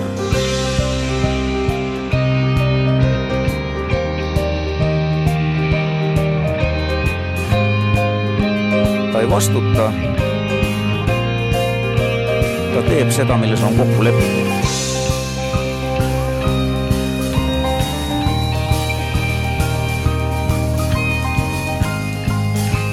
ta ei vastuta, ta teeb seda, milles on kokku lepitud